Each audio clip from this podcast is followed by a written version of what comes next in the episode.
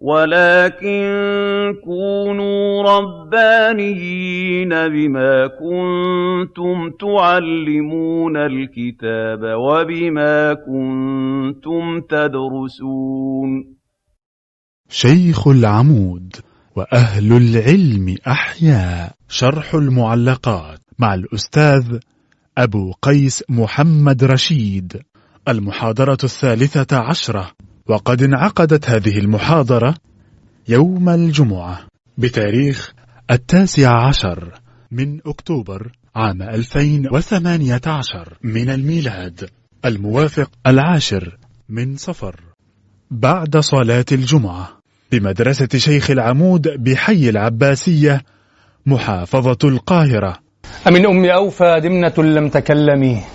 بحومانة الدراج فالمتثلم ودار لها بالرقمتين كأنها مراجع وشم في نواشر معصم. بها العين والأرآم يمشين خلفة وأطلاؤها ينهضن من كل مجثم. وقفت بها من بعد عشرين حجة فلأيا عرفت الدار بعد التوهم. أثافي سفعا في معرس مرجل ونؤيا كجذم الحوض لم يتثلم. فلما عرفت الدار قلت لربعها ألا عم صباحا أيها الربع واسلمي. تبصر خليلي هل ترى من ضعائن تحملن بالعلياء من فوق جرثم علون بأنماط عتاق وكلة وراد حواشيها مشاكهة الدم. وفيهن ملهى للصديق ومنظر أنيق لعين الناظر المتوسم. بكرن بكورا واستحرن بسحرة فهن لوادي الرس كاليد للفم. جعلنا القنان عن يمين وحزنه ومن بالقنان من محل ومحرم. ظهرن من السوبان ثم جزعنه على كل قيني قشيب مفأم. فلما وردنا الماء زرقا جمامه وضعنا عصي الح... كأن فتات العهن في كل منزل نزلن به حب الفنا لم يحطم. فلما وردنا الماء زرقا جمامه وضعنا عصي الحاضر المتخيم تبصر. سعى ساعي غيظ بن مرة بعدما تبزل ما بين العشيرة بالدم فأقسمت بالبيت الذي طاف حوله.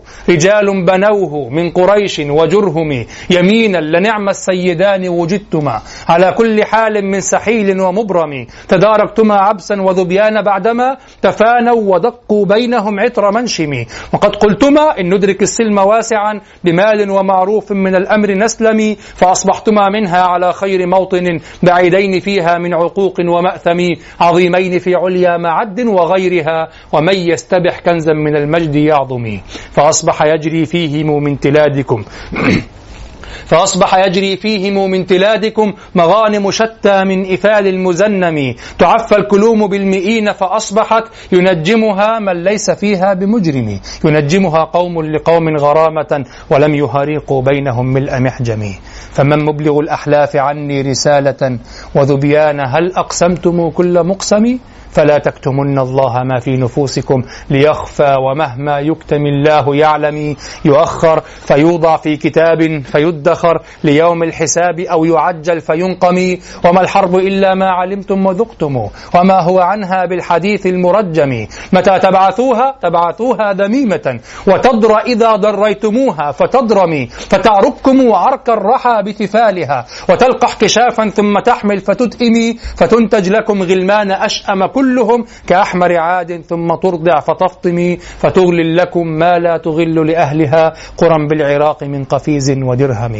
لعمري لنعم الحي جر عليهم بما لا يواتيهم حسين بن ضمضم. وكان طوى كشحا على مستكنة فلا هو أبداها ولم يتجمجم. وقال سأقضي حاجتي ثم أتقي عدوي بألف من ورائي ملجم فشد ولم تفزع بيوت كثيرة. لدى حيث ألقت رحلها أم قشعم لدى أسد شاك السلاح مقذف له لبد أظفاره لم تقلم. جريء متى يظلم يعاقب بظلمه سريعا وإلا يبدأ بالظلم يظلم رعوا ما رعوا من ظمئهم ثم أوردوا غمارا تسيل بالرماح وبالدم. فقضوا منايا بينهم ثم أصدروا إلى كلأ مستوبل متوخم. لعمرك ما جرت عليهم رماحهم. دم ابن نهيك أو قتيل المثلم. ولا شاركوا في القوم في دم نوفل. ولا وهب منهم ولا ابن المحزم. فكلا أراهم أصبحوا يعقلونهم علالة ألف بعد ألف مسطم. تساق إلى قوم لقوم غرامة. صحيحات مال طالعات بمخرم. لحي حلال يعصم الناس أمرهم إذا طلعت إحدى الليالي بمعظم كرام. فلا ذو الوتر يدرك وتره لديهم ولا الجاني عليهم بمسلم سعمت تكاليف الحياة ومن يعش ثمانين حولا لا أبا لك يسأمي رأيت المنايا خبط عشواء من تصب تمته ومن تخطئ يعمر فيهرم وأعلم علم اليوم والأمس قبله ولكنني عن علم ما في غد عمي. ومن لا يصانع في أمور كثيرة يدرس بأنياب ويوطأ بمنسم. ومن يك ذا فضل فيبخل بفضله على قومه يستغنى عنه ويذمم. ومن يجعل المعروف من دون عرضه يفره. ومن لا يتقي الشتم يشتمي. ومن, ومن, ومن لا يضد عن حوضه بسلاحه يهدم. ومن لا يظلم الناس يظلم. ومن هاب أسباب المنية يلقاها. ولو رام أسباب السماء بسلم. ومن يعص أطراف الزجاج فإنما يطيع العوالي ركبت كل لهدم. ومن يوفي لا يذمم. ومن يفضي قلبه إلى مطمئن البر لا يتجمجم. ومن يغترب يحسب عدوا صديقه. ومن لا يكرم نفسه لا يكرم. ومهما تكن عند امرئ من خليقة وإن خالها تخفى على الناس تعلمي ومن لا يزل يستحمل الناس نفسه ولا يغنيها يوما من الدهر يسأمي كنا توقفنا عند قوله رعوا ما رعوا من ظمئهم ثم أوردوا غمارا تسيل بالرماح وبالدم فقضوا منايا بينهم ثم أصدروا إلى كلأ مستوبل متوخم لعمري لعمرك ما جرت عليهم رماحهم. صحيح؟ دم ابن نهيك أو قتيل المثلم ولا شاركوا في القوم في دم نوفل ولا وهب منهم ولا ابن المحزم. ثم يقول فكلا أراهم أصبحوا يعقلونهم علالة ألف بعد ألف مسطم. طبعا ينبغي لأن أنا أشرح الوقت ضيق. يعني أنا أعيد الذي مضى. لكن ينبغي أن تستحضروا أن تربطوا الخيوط. يقول فكلا أراهم أصبحوا يعقلونهم. علالة ألف بعد ألف مسطم تساق إلى قوم لقوم غرامة صحيحات مال طالعات بمخرم. يقول فكلا أراهم. هذا التنوين الذي هي فكلا. تنوين ماذا؟ تنوين عوض. وتقدير الكلام هناك روايتان. فكلا أراهم أصبحوا يعقلونه. فهنا يكون فكل واحد. أو فكلا أراهم أصبحوا يعقلونهم. أي فكلهم. أصبحوا يعقلون. يريد الذين ذكروا في الأبيات السابقة لعمرك ما جرت عليهم رماحهم دم ابن نهيك أو قتيل المثلم دم ابن نهيك أو قتيل المثلم ولا شاركوا في القوم في دم نوفل ولا وهب منهم ولا ابن المحزم. فكلا أي فكل واحد من هؤلاء المذكورين أو فكلهم أراهم. الضمير في أراهم يعود على من؟ على الممدوحين. أو على الممدوحين إما على الممدوحين بسبيل الجمع أو على الممدوحين بسبيل أنهم من أقوام وأحيانا نذكرهم بالأقوام الحي وكذا وكذا واضح؟ فكلا أراهم أصبحوا يعقلونهم فكل كل هؤلاء أو فكل واحد من هؤلاء أرى هذين الرجلين الممدوحين أصبحوا أو أرى هؤلاء القوم الذين هم من؟ من ذبيان أصبحوا يعقلونهم يعقلون من؟ الذي يدل عليه تنوين العوض يعني أصبحوا يعقلون أصحاب هذه الأسماء. فكل أراهم أصبحوا يعقلونهم علالة ألف بعد ألف مسطم علالة يعني زيادة. ودائما كلمة التعليل هنا أو العلالة والتعليل والمعلل وكذا والمعلل. يأتي من تكرار الشيء. لما قال ابن القيس في المعلقة في المعلقة ولا تبعديني من جناك المعلل. المعلل يعني الشاغل يعني الذي يلهيني بالشيء بعد الشيء. ومنه جاء العلل الذي هو الشرب بعد الشرب. عكس النهل أو النهل. النهل الشرب مرة واحدة. إذا كرر وأعيد يسمى العلل. فلان يتعلل يعني يكرر الأعذار. يكرر ذكر ما شغله عن ذلك الأمر. ولا تشغل ولا تعلل مثلا امرأة فقير تعلل ولدها. تعلل ولدها تشغله بكذا تلهيه بكذا. ولا تبعديني من جناك المعلل يعني من كل ما من كل ما هو متعة أو انتفاع منك أو كذا كمتعة الانتفاع واضح؟ فمن تمتع بالعمرة إلى الحج يعني انتفع. واضح؟ نحن بعد ذلك انحصرت كلمة متعة في اتجاه معين. فيقول هذه المتعة وهذا الانتفاع هو الجنى المعلل الذي يجنيه من ليس شرطا القبلة كما قد نظن. ولا تبعديني من جناك يعني لا تبعديني عن هذا هذا اللعب واللهو والانشغال معك. المعلل يعني الشاغلي. والقصيدة كلها مبنية على الانشغال بالماضي. واضح؟ فكذلك يقول علالة ألف بعد ألف مسطم يعني زيادة ألف بعد ألف مسطم. وعلالة هنا الصفة وتضاف إلى الموصوف. فيقول أراهم أصبحوا يعقلونهم كلمة يعقلونهم من العقل وهو الدية. يعقلونهم علالة ألف يعني زيادة ألف بعد أي ألف تأتي بعد ألف ومسطم يعني كاملة. يقال جمل مسطم أو جمل سطم وألف سطم يعني تام كامل غير ناقص. وكلمة يعقلونهم هذا من العقل. الدية تسمى العقل؟ إما لأن لأنها تعقل أي تحبس العقل هو الحبس. فتعقل عن سفك الدماء وعن إراقة الدماء هكذا قيل. وقيل كما تسمى يسمى العقل عقلا لأنه يحبس عن السفيه من الأمور والتهالك وكذا. فيسمى الرجل العاقل يعني الذي عنده عقل يحبسه ويفكر به يعني يحبس به نزواته وشهواته وكذا. وإما العقل هنا قالوا لأن الأصل في الدية كانت في الإبل. واضح حتى من كانت في غيرها بعد ذلك. الأصل والغالب كانت في الإبل. فكان صاحب من وجبت عليه الدية يسوق الإبل إلى إلى ديار من وجبت له الدية فيعقلها في دياره. فيسمى العقل. يعني هذا يسمى أطلق الفعل على على المعقول على اسم المفعول. ما هذا؟ هذا عقل دية. ما عقل؟ أنت تقصد أنت فعلت الفعل الذي هو العقل عقلت الإبل هنا. صار العقل وهذا كثير في اللغة إطلاق المصدر على الشيء نفسه. هذه كتابة. الكتابة هي هذا الفعل كتابة. صارت كتابة باعتبار أنها المفعول فيطلق كثيرا في العربية اسم المصدر على المفعول. فمن هنا جاءت كلمة يعقلونهم يعني يدفعون العقل وهو الدية والعقل إما لأنه يحبس الدماء السائلة وينهي القضية يمنعها يعني فهذا من العقل أو لأنهم كانوا يعقلون الإبل فالقولان يعني قد قيل. طيب يقول فكل أراهم أصبحوا يعقلونهم علالة ألف بعد ألف مسطم تساق إلى قوم لقوم غرامة صحيحات مال طالعات بمخرم. المخرم هو الطريق بين الجبلين. كما إذا تداخل جبلان هكذا فصار بينهما مضيق. أو فرجة في جبل أو أن سلسلة من الجبال بينها مخارم. لماذا؟ مضايق بينها هكذا. الذي يقف في الناحية منها لا يرى الذي في الناحية الأخرى. كما لذلك عبر هنا الشنتمري تعبيرا جيدا في هذا المعنى. وكأنه فهم المراد. انظر ماذا قال.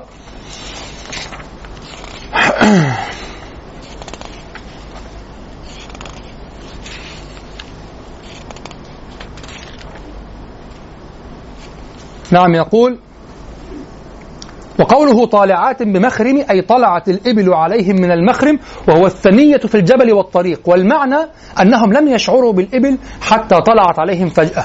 يشير إلى وفاء الذين أدوها إليهم وتحملوها عن قومهم. نحن الآن نعتاد على ماذا؟ على أن الشعر لابد أن يكون معاني. معاني واضحة كشعر متنبي في أكثره وكذا. حتى الصورة يصوره يصور بها المعاني يخرج المعنوية إلى المحسوس. هذا ليس من التصوير الذي أقصده. وإنما التصوير الذي أقصده هو التصوير الذي يثير مع هو يراد لذاته لكن يثير معنى آخر في النفس. وليس أنه يستعمل لإثارة معنى معروف كالاستعارة هذا عند المتأخرين كثير.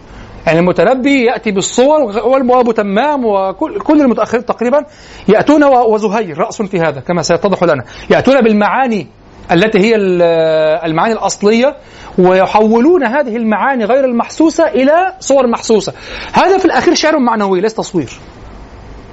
ولو قلت تصوير فكل الشعر زهير تصوير في الحقيقة. تشعر أنه شعر معنى.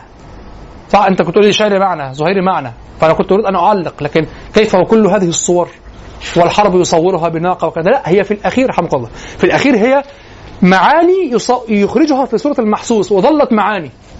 وإنما الذي أقصده كالذي عند امرئ القيس. هذه الصور هو تراد لذاتها لكن وراءها معنى آخر يهيجها في النفس الصورة لذاتها أصلا. الصورة مطلوبة لذاتها في هذا المعنى. واضح؟ طيب. فهو يقول إذا كنا؟ آه طلعت بمخرمه فأنت تقول هنا ما الفائدة؟ يعني الإبل طلعت من المخرم ونزلت يعني السيارة وقفت.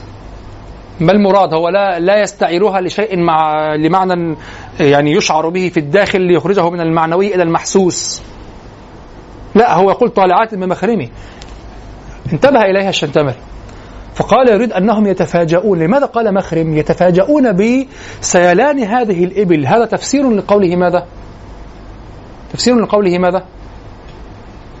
تعفى الكلوم بالمئين فأصبحت ينجمها من ليس فيها بمجرم. هم يرون الإبل هكذا تنثال فأصبح يجري فيهم من تلادكم. مغانم شتى من إفاد المزنم. هو يشتت الصورة ويقسمها لأجل أن يبين لك فضل هؤلاء القوم. فرق كبير بين أن تقول حادثة قطار وانتهت مات ألف واحد. انتهت خلاص. حادثة عادي عدت في الجرائد نشرت مرة. وبين أن تحكي قصة كل واحد خرج لعمله. لا وتحكي قصة كل واحد في قطار تتبع قصة كل شخص في القطار. كلهم خرج لعمله كلهم له لون في قصته مع أسرته وتثير الرأي العام وتهيج وكذا وكذا وكذا. مع أن الحادثة واحدة. لكن انظر الآلام في كل حادثة. المثال في كل حادثة. وهذا يستعمل في السياسة. وفي إثارة الرأي العام. يقول لك طيارة وقعت. الله يرحمه. قطر اتحرق. الله يرحمه حادثة قطر. عقلك لم يستوعب ما يهيج قلبك. لكن أقول لك في واحد اسمه محمد. واحد اسمه حسين. في واحد اسمه أحمد ده كان شغال زيك كده في الحكومة وراح مش وبعدين يخلص لك قصة يخش لك في غيرها. عد ألف واحد. وقصص مأساوية هي فعلا طب ما هي حادثة قطار تساوي كل هذه المآسي. لم تظهر. البيان. واخد بالك؟ البيان. فلذلك زهير يقسم مئين ينجمها. ما المراد؟ طالعات بمخرمه شوف تساق إلى قوم لقوم غرامة صحيحات مال طالعات يعني تكرر الطلوع طالعات بمخرمه. تفعل. هذه صفة فيها طالعات بمخرمه. فيقول تساق إلى قوم لقوم غرامة. جئنا إليها. فكلا أراهم أصبحوا يعقلونهم علالة ألف بعد ألف مسطم تساق إلى قوم. كلمة تساق إلى قوم إلى قوم يعني قوم وسطاء لقوم يعني لصالح قوم. استعمل إلى في الأول ثم اللام في الثانية. لأجل أن يقول إنها لصالح الآخرين. أما إلى فتدل على وجود التراخي والنقل. رأيتم الفرق بين إلى ولي؟ فرق. تساق إلى قوم. تساق إلى قوم. لقوم. يعني الذبيانيون يعطونها لي يعني هرب بن سيرين وحسن بن عوف يعطونها لقوم لتساق لت يعني يسوقونها إلى قوم ليسلموها لقوم. تساق إلى قوم لقوم غرامة. صحيحات مال. صحيحات ليست هي المسطم هنا. صحيحات في هذا السياق يعني الإبل صحيحة وسليمة ليس فيها ما يعيبها لأن الأعداد كبيرة جدا. هو قال مسطم يعني مسطم يعني ماذا؟ كامل. يعني ألف ألف. تعد الألف الرزمة ألف. فيش ورقة واقعة فيش كذا طب خلاص عديها. لا ألف يعني ألف. واضح؟ مئة يعني مئة. فكلا أراهم أصبحوا يعقلونهم علالة ألف بعد ألف مسطم. ألف ألف. يعني ألف. واضح؟ ثم قال صحيحات. يعني نفس هذه الإبل صحيحة وسليمة ليس فيها ما يعيبها. مغانم شتى من إفال المزنم. واضح؟ يعني كل جمل نسل. إظهار لماذا؟ لكرم هؤلاء القوم الذين لم يهرقوا بينهم من محجب تساق إلى قوم لقوم صحيحات مال بعد أن قال صحيحات مال قال طالعات بمخرمهم يقول فكلا أراهم أصبحوا يعقلونهم. علالة ألف بعد ألف مسطم هذا هذان البيتان شارحان لقوله ينجمها قوم لقوم غرامة. بالضبط. هذا ينجمها قوم لقوم. قلنا قلنا هذا الفصل. تذكرون؟ هذا الفصل إعادة تصويرية إعادة شرحية لما أثنى به من قبل. الآن يذكر التنفيذ. قال ينجمها قوم لقوم غرامة ولم يهارقوا بينهم من المحجم. فسرت هنا فكلا لذلك قال أراهم هذه المرة. في النظم سر النظم. قال هذه المرة أراهم أراهم. فكلا أراهم أصبحوا يعقلونهم. وانظر إلى كلمة أصبحوا. أصبحوا يعني كلمة أصبح هي من أفعال الصيرورة المعروفة وكلمة أصبح يعني تذكر في الأكثر في الصفات يعني أصبح كذا صار كذا.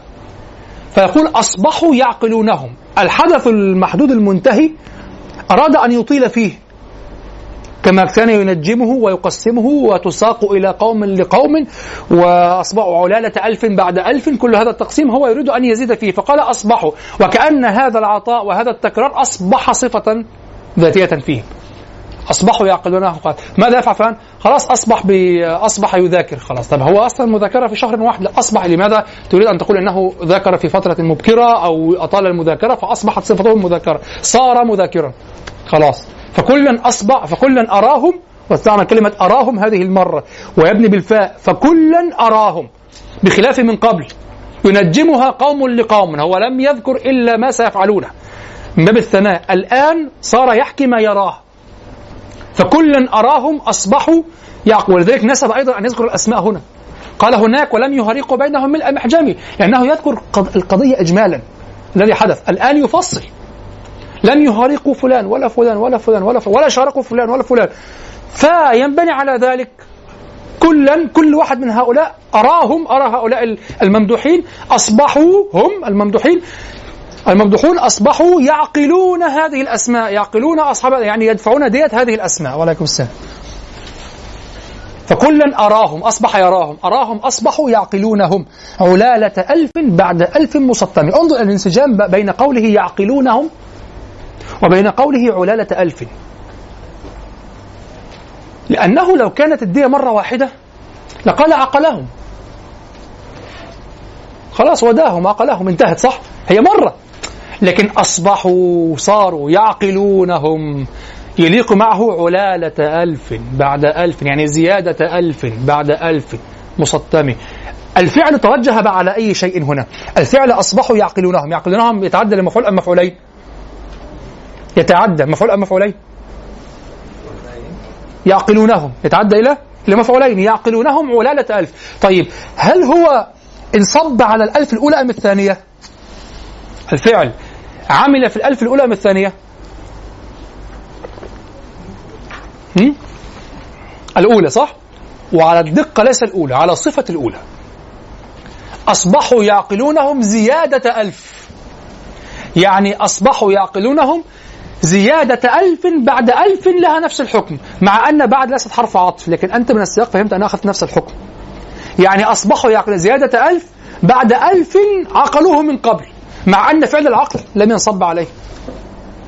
في سر اللغة أصبحوا يعقلونهم علالة ألف بعد ألف وبعد ليس من حروف العطف التي تعطف الحكم.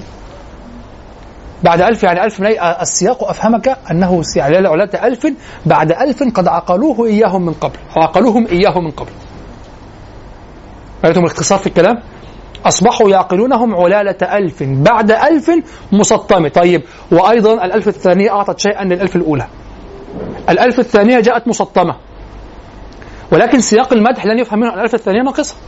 آه يعني ليس يعني لا 900 مش 99 998 علالة ألف يعني زيادة ألف بعد ألف كانت تامة. تفهم أن هذه تامة أيضا وتفهم أن الثانية أيضا هي عقلوهم إياها. شوف اللغة والتبادل نشاط الداخلي النشاط اللغوي. هذا اسمه نشاط لغوي في الداخل نشاط لغوي. هذا لا يدرك بمجرد النظر والوقوف على الظاهر النحوي.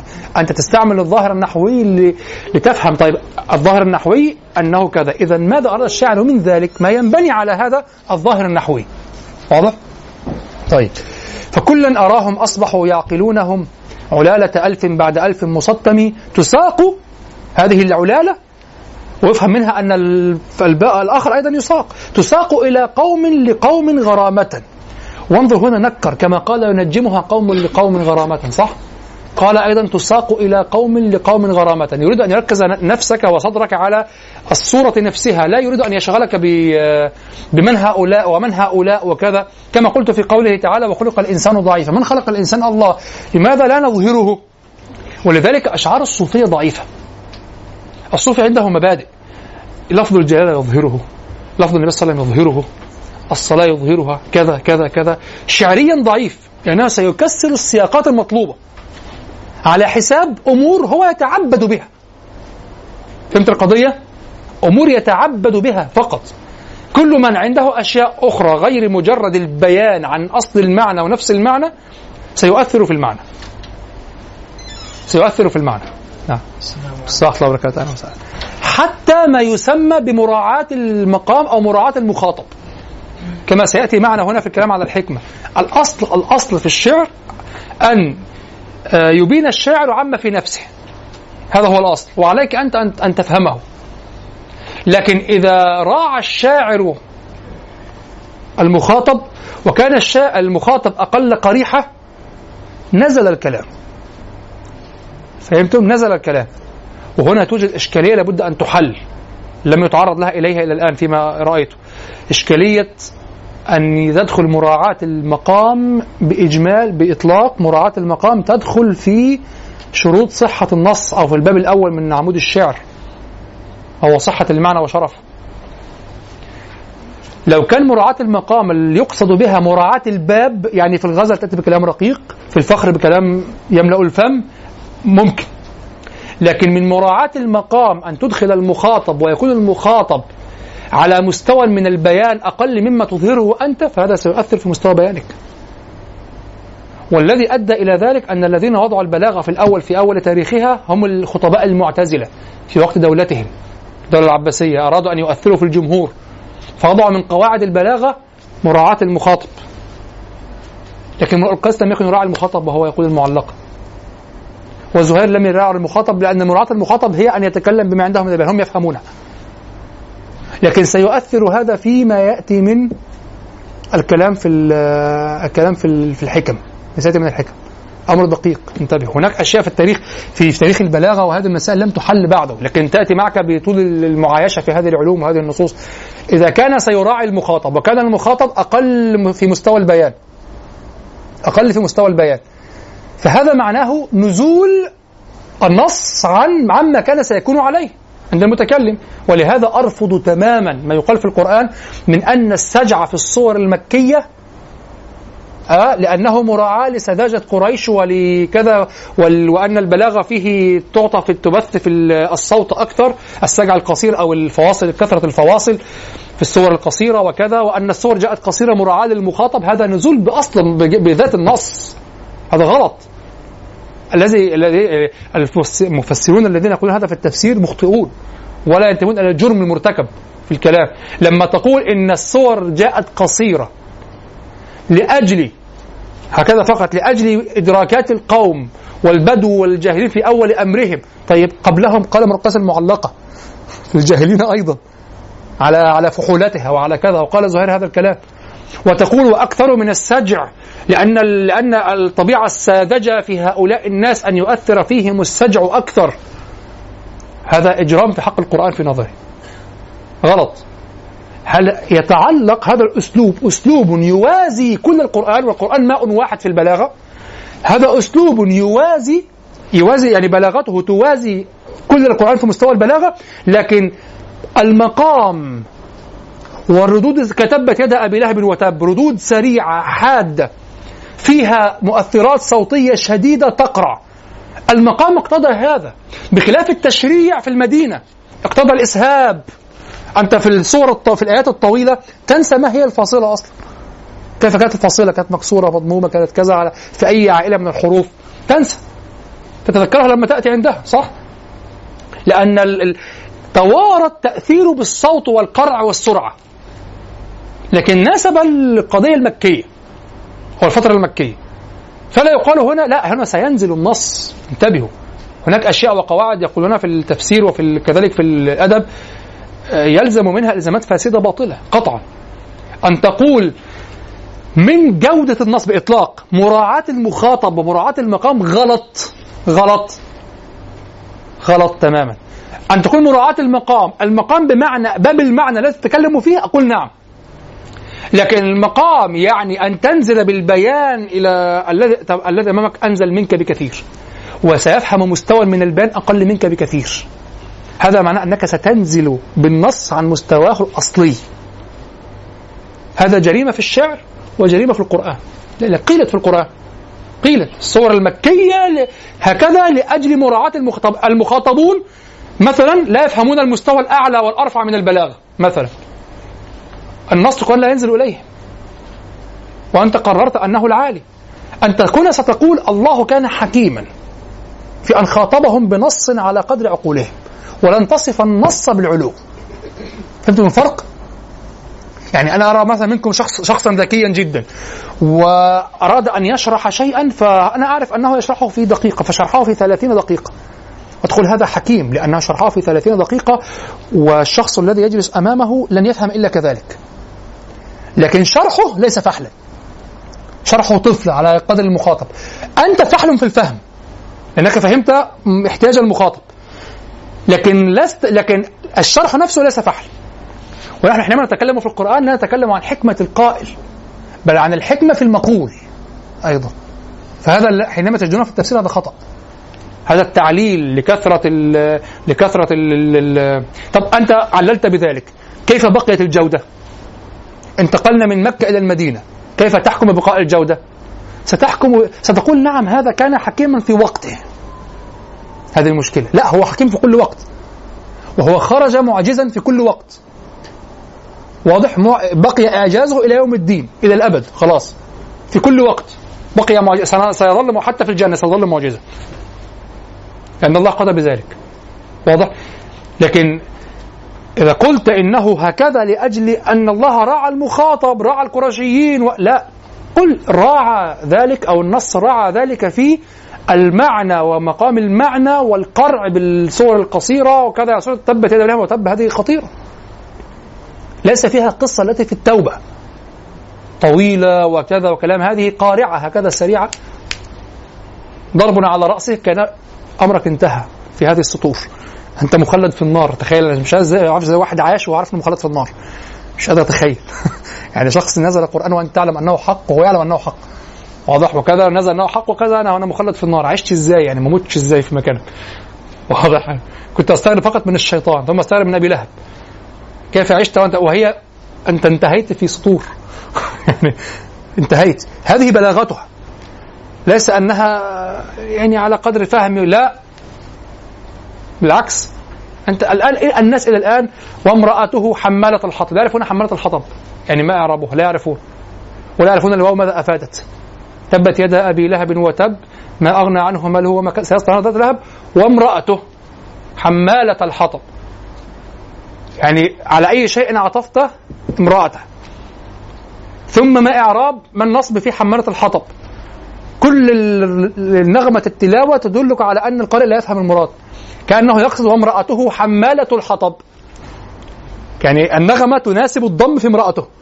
وامرأته ما حالها حم... ما أمرها حمالة الحطب. وامرأته حمالة مبتدأ وخبر وعلى النصب ليس كذلك.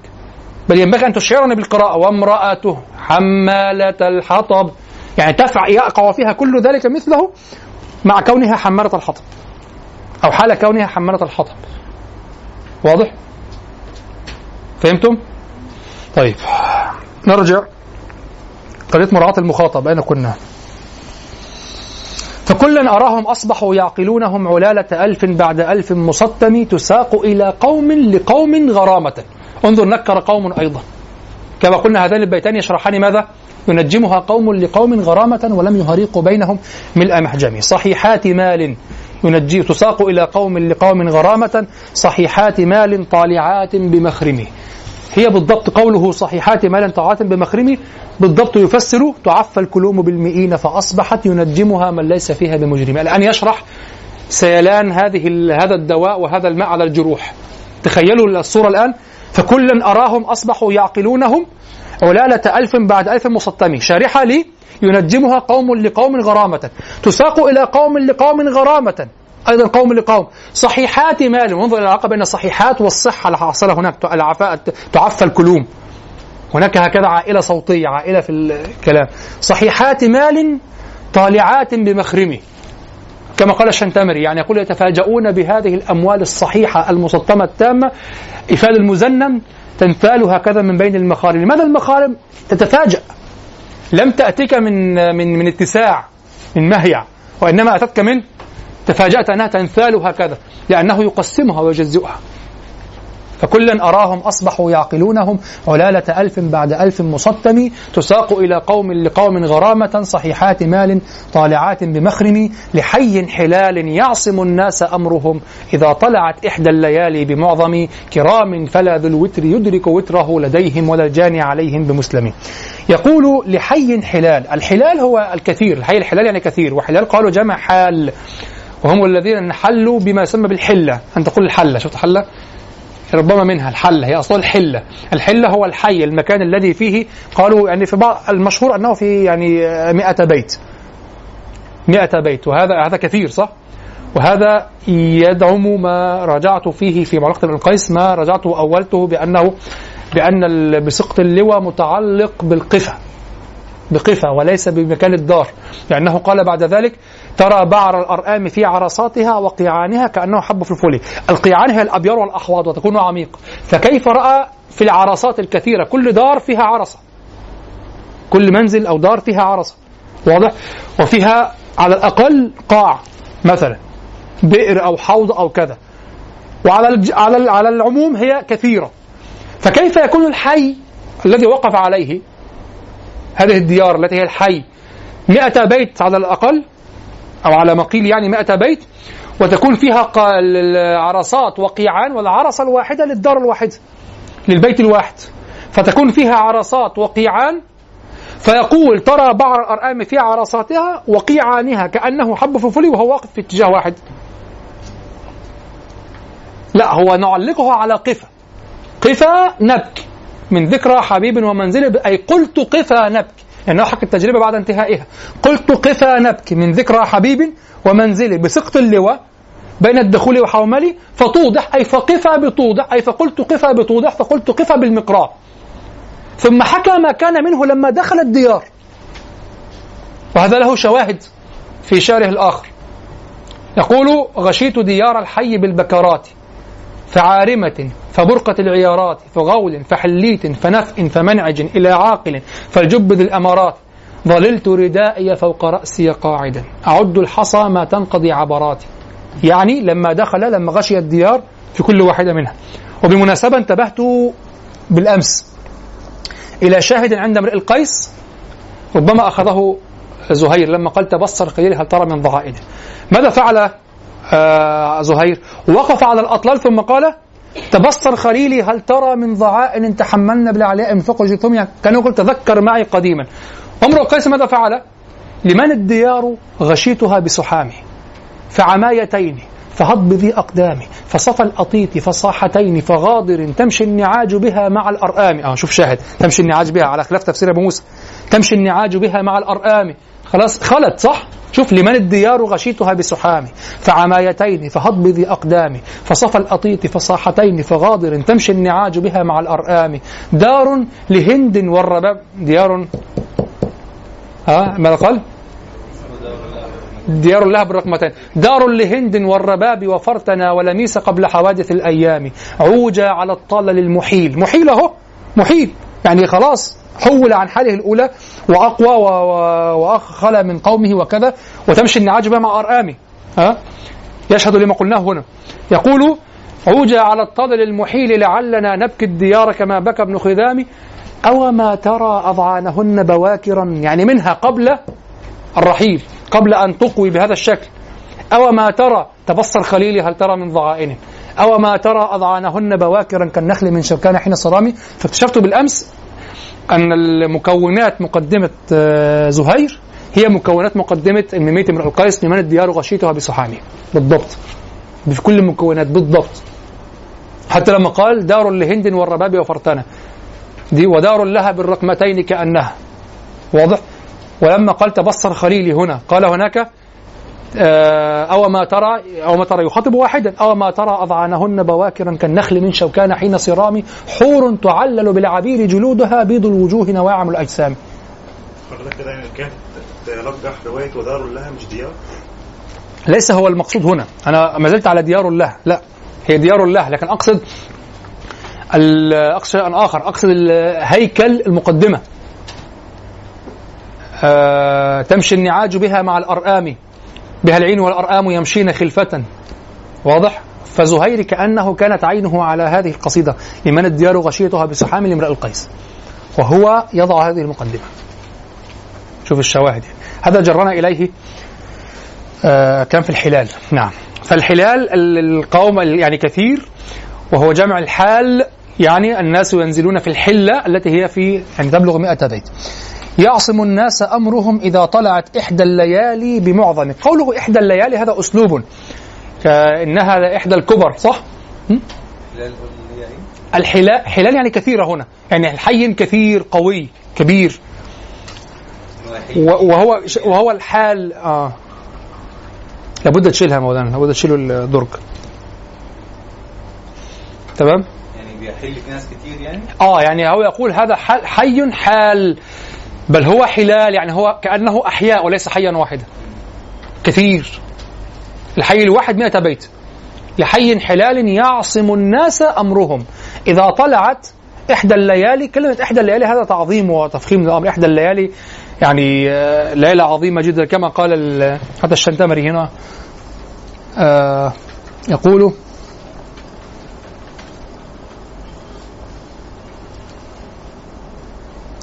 آه يقول وفي الكلام آه وقوله إحدى الليالي أراد ليلة من الليالي.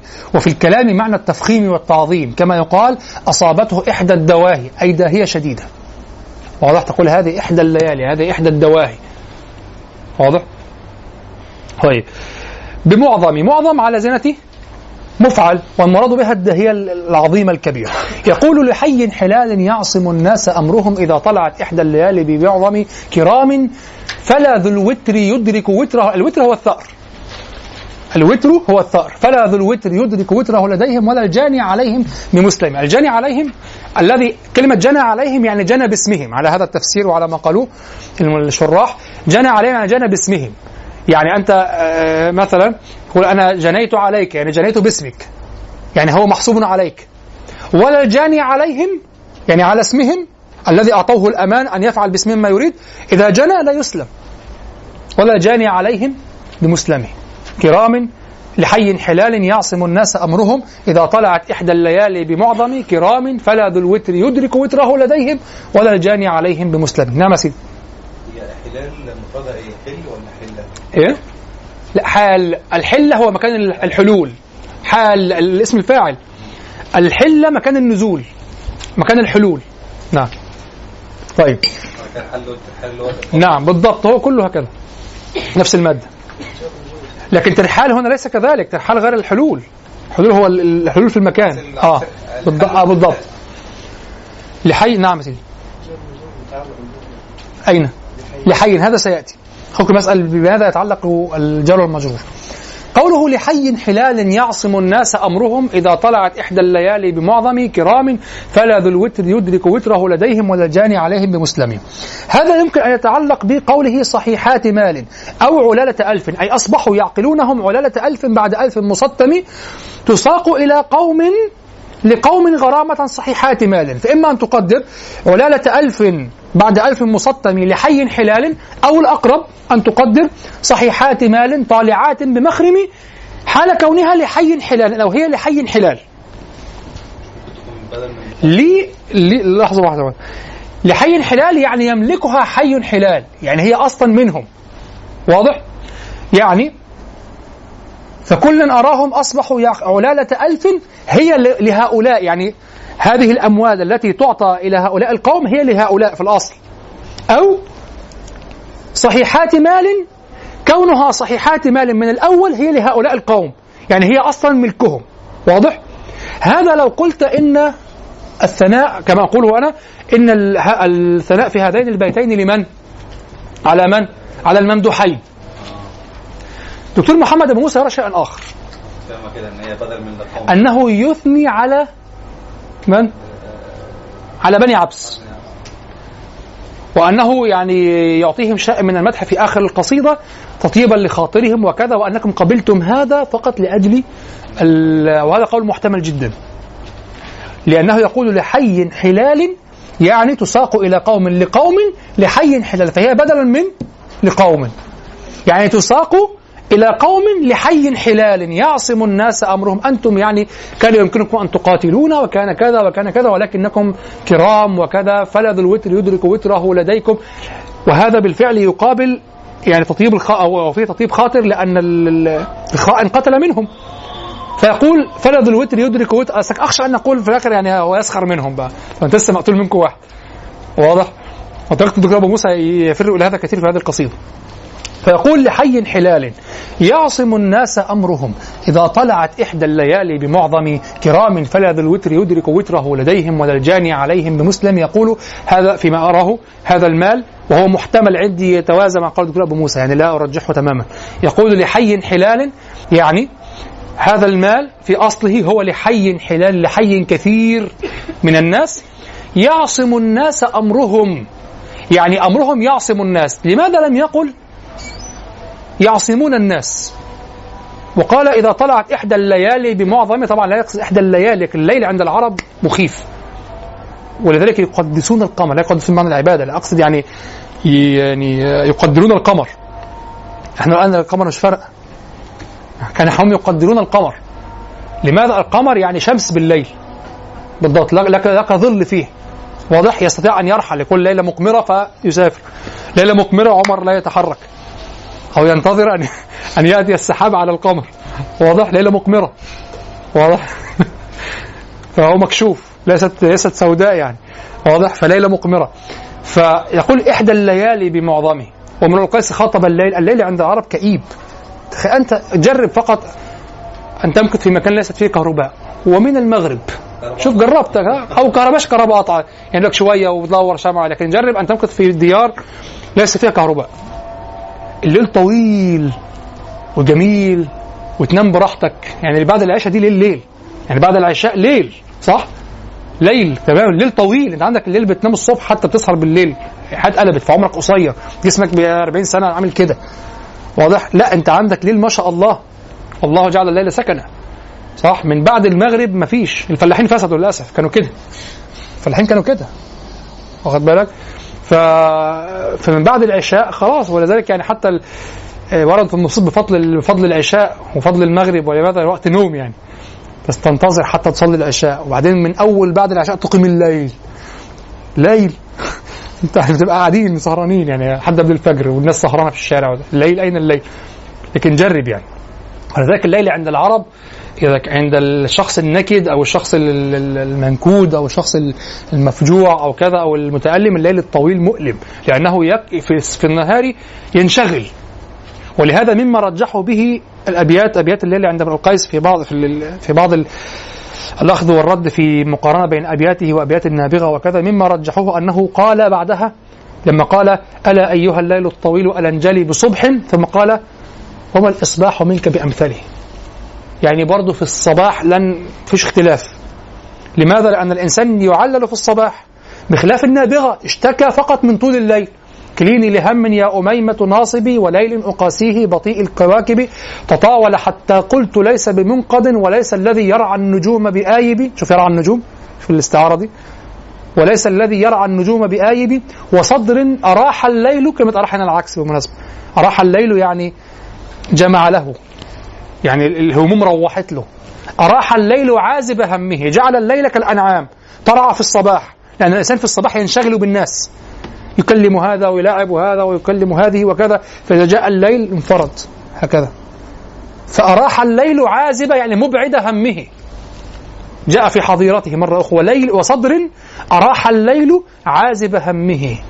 تطاول فيه الحزن من كل جانب شوف الكلام. فلما قارنوا قالوا مما قارنوا به يعني قالوا كنت أرفض هذه المقارنات الجزئية يعني لكن أو لا أقرها تماما فيها تفصيل آه قارنوا وقالوا انظر هو جعل النهار على كل حال يعني النهار على كل مهما اشتكى من ظلمة الليل النهار سيكون ماذا؟ النهار سيكون مفرجا عنه أما امرؤ القيس ماذا قال؟ وما الإصباح منك بأمثله يعني حتى الليل سواد واضح؟ ألا أيها الليل الطويل ألنجلي بصبح وما الإصباح فيك أو منك بأمثله خلاص.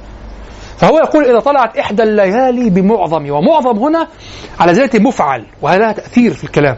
بمعظم يعني بشيء عرف عند العرب أنه عظيم. لم يقل بعظيم قال بمعظم. يعني هو من الأول أعظم. يعني وقعت داهية معروف أنها داهية هي من الأول معظمة.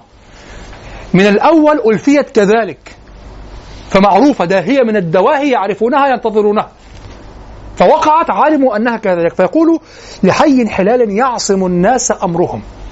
فلم يقل يعصمون الناس وإنما قال يعصم الناس أمرهم لأن الأمر هو يريد أن يثبت لهم فعلا. وقد قلتما إن ندرك السلم واسعا بمال وعرف من أمر نسلمه واضح إن هناك فعال هناك قول هناك كذا فعلتموه. وليس ثناء على الشخص فقط وهذا عندي من من دواعم من دواعم قول عمر بن الخطاب رضي الله عنه ولا يمدح الرجل إلا بما فيه. يعصم الناس أمرهم. يعني هم فعلوا أمرا يعصمون به الناس. أثبت لهم أمرا وليس أنتم باعيانكم تعالى بقى لل- للعباسيين في المدح بيجعله هو مخلوق حلو كده. هو مخلوق خلق ممدوحا. أنت المدح بعينه انت الكذا لا يعصم الناس أمرهم. أمرهم. وليس يعصمون الناس ليس ذاتيا هناك أمر تفعلونه. يعصم الناس. طيب.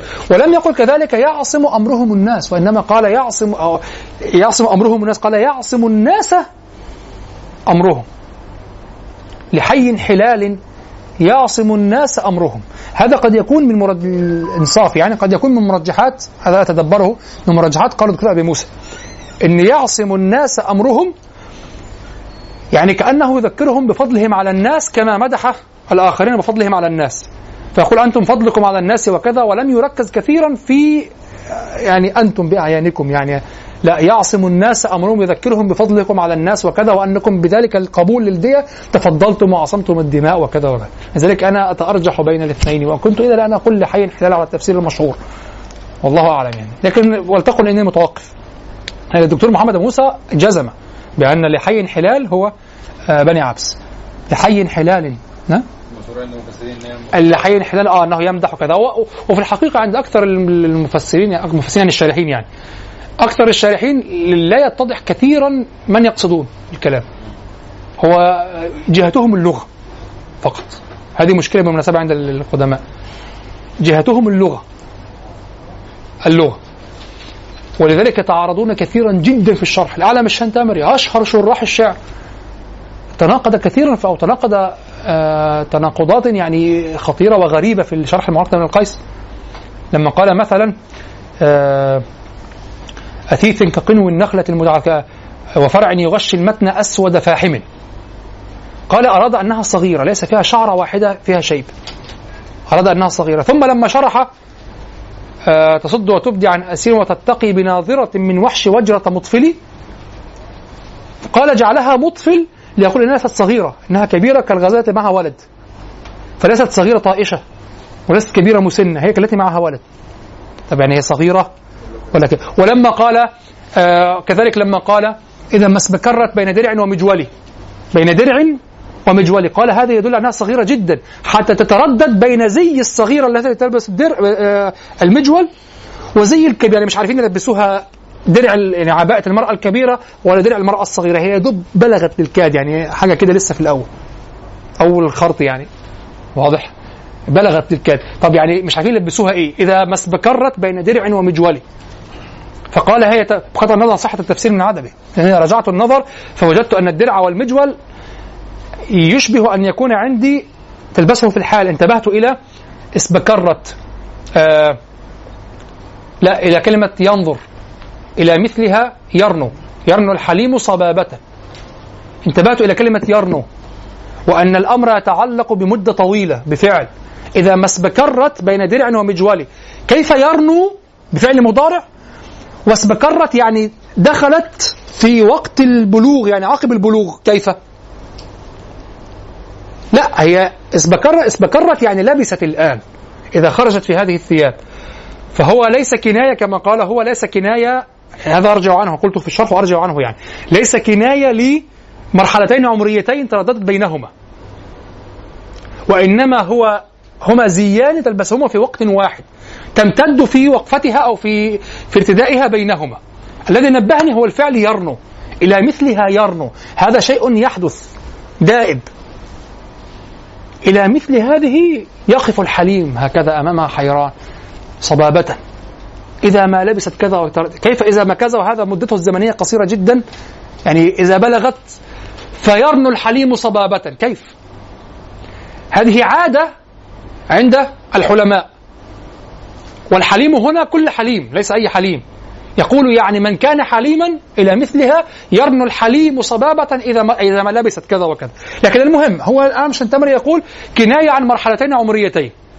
فكيف تقول إنها بالكاد بلغت وتقول مطفل معناها إنها كبيرة؟ فهمتم؟ تناقض. لكن هو يركز في البيت.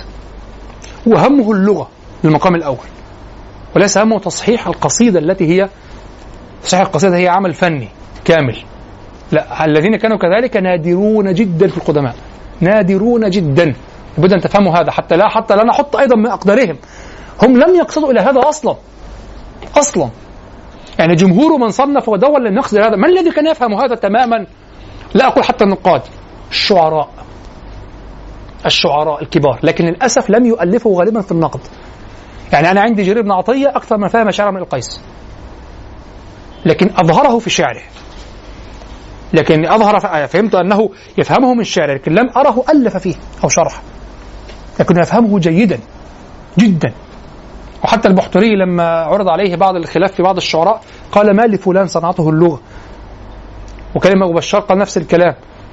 واضح لا الذي يقولها الذي يفهم الشعراء هو شاعر وينقد في نفس الوقت شاعر ناقد. الناقد الصرف كلامه يسقط للأسف الشديد. الناقد الصرف كلامه ضعيف غالبا فيما رأيته. الناقد الشاعر كابن المعتز والبحتري والبحتري ناقد هناك شعراء ليسوا نقاد لكن الشاعر الناقد الذي يصنع الشعر يخ... الشعر يخالط لحمه ودمه ثم هو يفهم غيره من يعني ينقد شعر غيره من الشعر يفهم يقدر يعرف ماذا أراد الشاعر هنا. لأن يده في الصنعه في المتن في النص. الش... الناقد الذي. لم يمارس هو مضطر رغما عنه الاحتكام لقواعد ظاهرة. قواعد ظاهرة. لم يدخل في الشعور في النص في الصنعه ليعرف كيف فعل الشاعر. إلا إذا كان مسلما للشعراء تماما.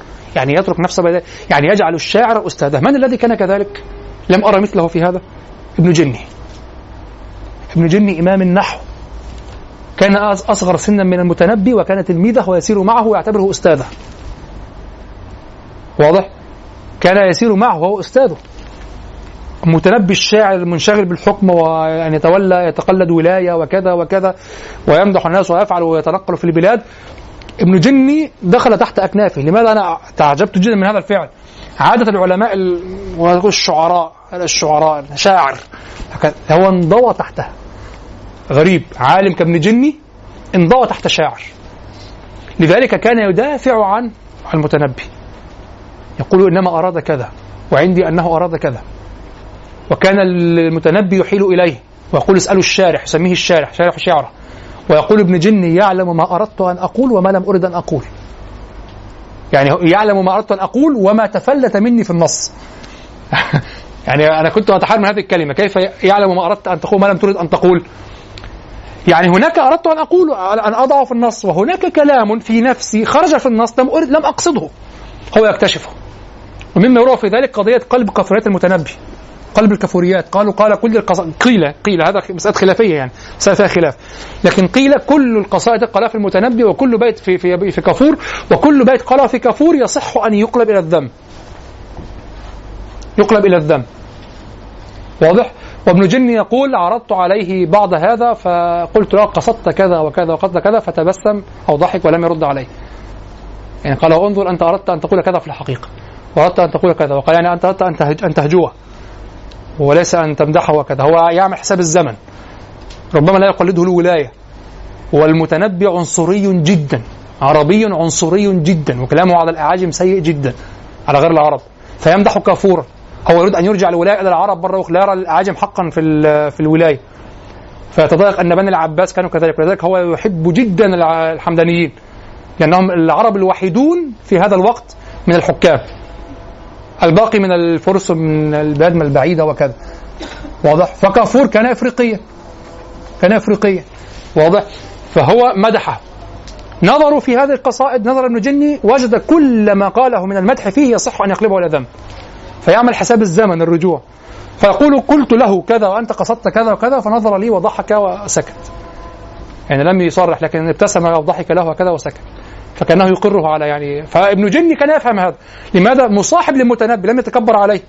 بل كان يدافع عنه عند ابو علي الفارسي. أستاذه النحوي الكبير الذي لم يأتي بعد سيبويه مثله أبو علي الفارسي. طبعا النحاة فرس يعني معروف واضح الحال الكبار الذين بقي اسمهم يعني. ليس الأوائل أوائل العرب واضح؟ آه، أبو علي الفارسي كان يكره المتنبي. كان يجلس عند بني بويه وكان فارسيا كان يرتدي حلة الفرس وكذا والمتنبي كان يشبه الأعراب. فكان وكان يعتز جدا وكان عنصريا جدا يعني طبيعي أن يكرهه. كان عنصريا جدا في العروبة يعني. واضح وكان يسب يا أعجمي. هكذا. واضح. فكان يبغضه ويحطه من قدره. فعرض ابن جني في مرة عرض عليه في مرة هكذا كانوا في مجلس فمرة مر المتنبي فأساء إليه. أبو علي الفارسي. واضح. فمر وقت فعرض عليه بيت شعر فأعجبه. قال لمن هذا؟ قال الذي يقول كذا وأتى ببيت آخر. قال لمن؟ فالذي يقول كذا الذي يقول كذا وأكثر عليه. فقال أكثرت من؟ قال الذي مر الأعرابي الذي مر وأسأت إليه الذي هو ابن جني هو المتنبي. المت- ابن جني كان يحب المتنبي جدا. واضح. وكان يدافع عنه عند شيخه أبي الفارسي وأبي الفارسي كان يبغضه وكانوا يناظرونه. وبالمناسبة هذا من شرف المتنبي. يحكون دائما صراعات المتنبي مع النحاة. وغلبه إياهم وغلبتهم إياه. ولم يغلبه أحد في الشعر. يعني كل هذا في أرضهم هم.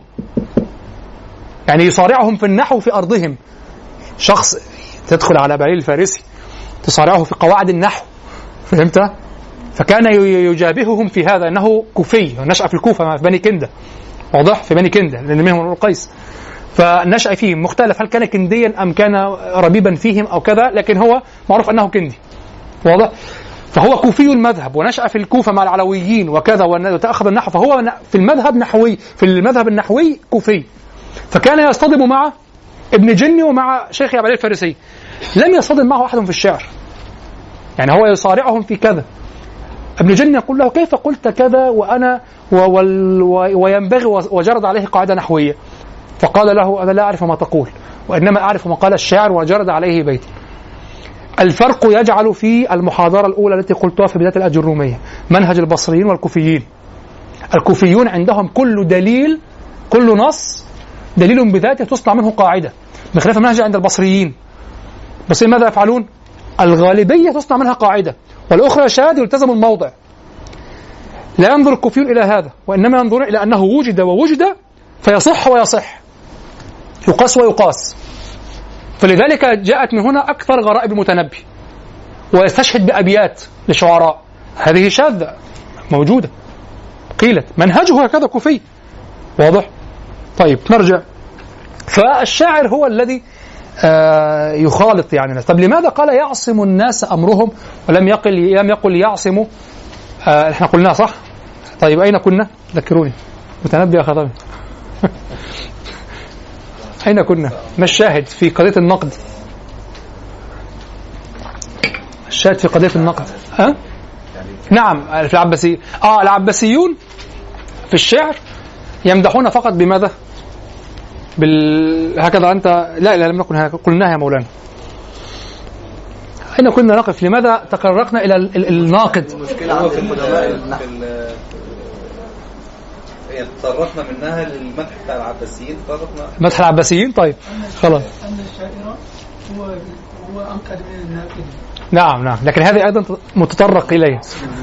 ها؟ يعصم الناس أمر طيب نرجع إلى يعصم الناس يعصم الناس أمرهم. يعني أثبت طب لماذا قدم وأخر لماذا نقل يعصم أمرهم الناس؟ قلنا نعم هذا يرجح كونه ماذا يرجح؟ يعني قد يشهد لقول ال- ال- الشيخ محمد أبو موسى بأنه يمدح هؤلاء يعني. آه كنا نتكلم على الشراح شراح اللغة. آه. الذين اغلب كلامهم في. أنا أحب أرجع تاني عشان يبقى درس ملتحم يعني. عشان اللي بيشاهدوه. طيب. قال لحي حلال يعصم الناس أمرهم إذا طلعت إحدى الليالي بمعظم كرام. الناس قول الشيخ أبو موسى. أنا قلت آه آه، أستاذ أحمد بيقول كيف تؤيد كيف قوله يعصم الناس أمرهم؟ يؤيد قول أبو موسى. أبو موسى يقول دكتور أبو موسى ماذا يقول؟ يقول هذا الحي هو بني عبس هو بني عبس صح؟ يعصم الناس أمرهم يعني يقدم الناس ليبين فضلهم على الناس. كأنه يقول لهم بتفضلكم هذا بقبول الدية أنتم عصمتم دماء الناس وأنتم قادرون على سفكها. ده وارد لو كان بيمدح الممدوحين برضه. وارد لو كان يمدح الممدوحين. يعني يتكلم على بني ذبيان. يعصم الناس أمرهم. صحيح لكن سيكون نوع من الإطناب الشديد وسيصح. يعني هو ذكر هذا كثيرا. لكن ماذا لو قال يعصم أمرهم الناس؟ آه صحيح برضه صحيح. يعني صوت التقديم نفسه مش هي مش هي نعم نعم. ولذلك أنا متردد بين القولين. قال كرام فلا ذو الوتر يدرك وتره لديهم ولا جاني عليهم بمسلمين. هؤلاء الذين يعصم الناس أمرهم هذا بيت فيه مدح لا إشكال فيه. المشكلة أين هنا؟ كرام جميل. يفسر الكرم. فلا ذو الوتر يدرك وتره لديهم ولا الجاني عليهم بمسلمين. هذا مشكل. كيف تمدح بهذا؟ أن صاحب الوتر صاحب الثأر لا يدرك ثأره عندهم. والذي يجني باسمهم لا يسلم. لا يسلم لمن جنى عليه. هذه مشكلة. أنا ظللت أفكر في هذه المشكلة كثيرا. حتى انتبهت إليها بعد مدة طويلة من قراءة الشعر والانتباه لقضية الثأر والمدح في هذا في هذا السياق. المدح بأنك لا لا أحد يقدر عليك وكذا. مشكلتنا الآن أننا نقيس نقيس قضية الثأر على المقياس الإسلامي. أنت بمجرد أن تسمع الثأر في الإسلام أو القود أو كذا شخص قتل شخصا تقتل عينه. صح؟ ما فيش هنا لا يوجد تقدير لا يوجد نظر وموازنة لا يوجد اختلاف وجهات نظر اختلاف تقدير للأفراد شخص قتل شخصا. هذا القاتل يقتل به. طيب هذا القاتل انتحر هذا القاتل اختفى هذا القاتل ذهب. خلاص لا يقاد من غيره. أبوه موجود أخوه موجود أخواله موجودون. لا. انتهى. طيب هذا المقتول شريف وهذا القاتل وضيع هذا أشرف رأس وهذا أوضع رأس. تتكافأ الدماء. هكذا الإسلام. هذا لا يمدح فيه بأن الكريم لا لا يأخذ ثأره عندك. لكن عند العرب الثأر نفسه يختلف والتقدير يختلف. الشريف إذا قتل الوضيع إذا قتل الشريف يترك الوضيع. ربما يمر من قبرة الشريف ولا يقتلونه لا يقتربون منه انسى. وباقي في الصعيد الآن هذا الشكل صح؟ موجود موجود. باقي في الصعيد. لا يقتربون منه. إما يعني يبدأ من أين؟ يبدأ من أشرف مش لا لن ينظروا إلى شريف يقابله لا. يبدأ من أشرف شخص يعني أي شخص عندنا هو يقابل أشرف شخص عند التانيين. يبدأ من أشرف رأس. طيب وأين ينتهي؟ لا ممكن القبيلة كلها. العدد. هو هل امرؤ القيس لم يرد أو لم لم يروى أنه أدرك ثأره؟ ورد أنه قابل بني أسد في رحلته وحرقهم. حرقهم أحياء. قتل فيهم قتلة عظيمة وحرقهم أحياء. قالوا له ولذلك بنو أسد قالوا له أدركت ثأرك بنو اسد بنو بنو تغلب تغلب قالوا له أدركت ثأرك وتولوا عنه وكذا ورجعوا عنه قال لا والله ما أدركت ثأري واشتكى آه إذا قلت هذا صاحب قد رضيته وقرت بدلت آخر كذلك جدي كذلك حظي ما أصاحب صاحبا من الناس إلا خانني وتغيره. ويعتبر هذا خيانة. ما ثأرك أن يرجع ملك كندا وأن يفني بني أسد؟ هذا ثأره لماذا لا كفء لحجر في دم؟ يقابله كل بني أسد. واضح؟ في هذا الثأر أو في هذا النوع من الثأر عند الجاهليين تختلف الأنظار وتتعدد المقاييس. فيصير من الثناء عليك أن تطبق ما تراه أنت حقا فهمتم؟ كرام فلا ذو الوتر يدرك وتره لديهم يعني لا يدرك وتره بالش...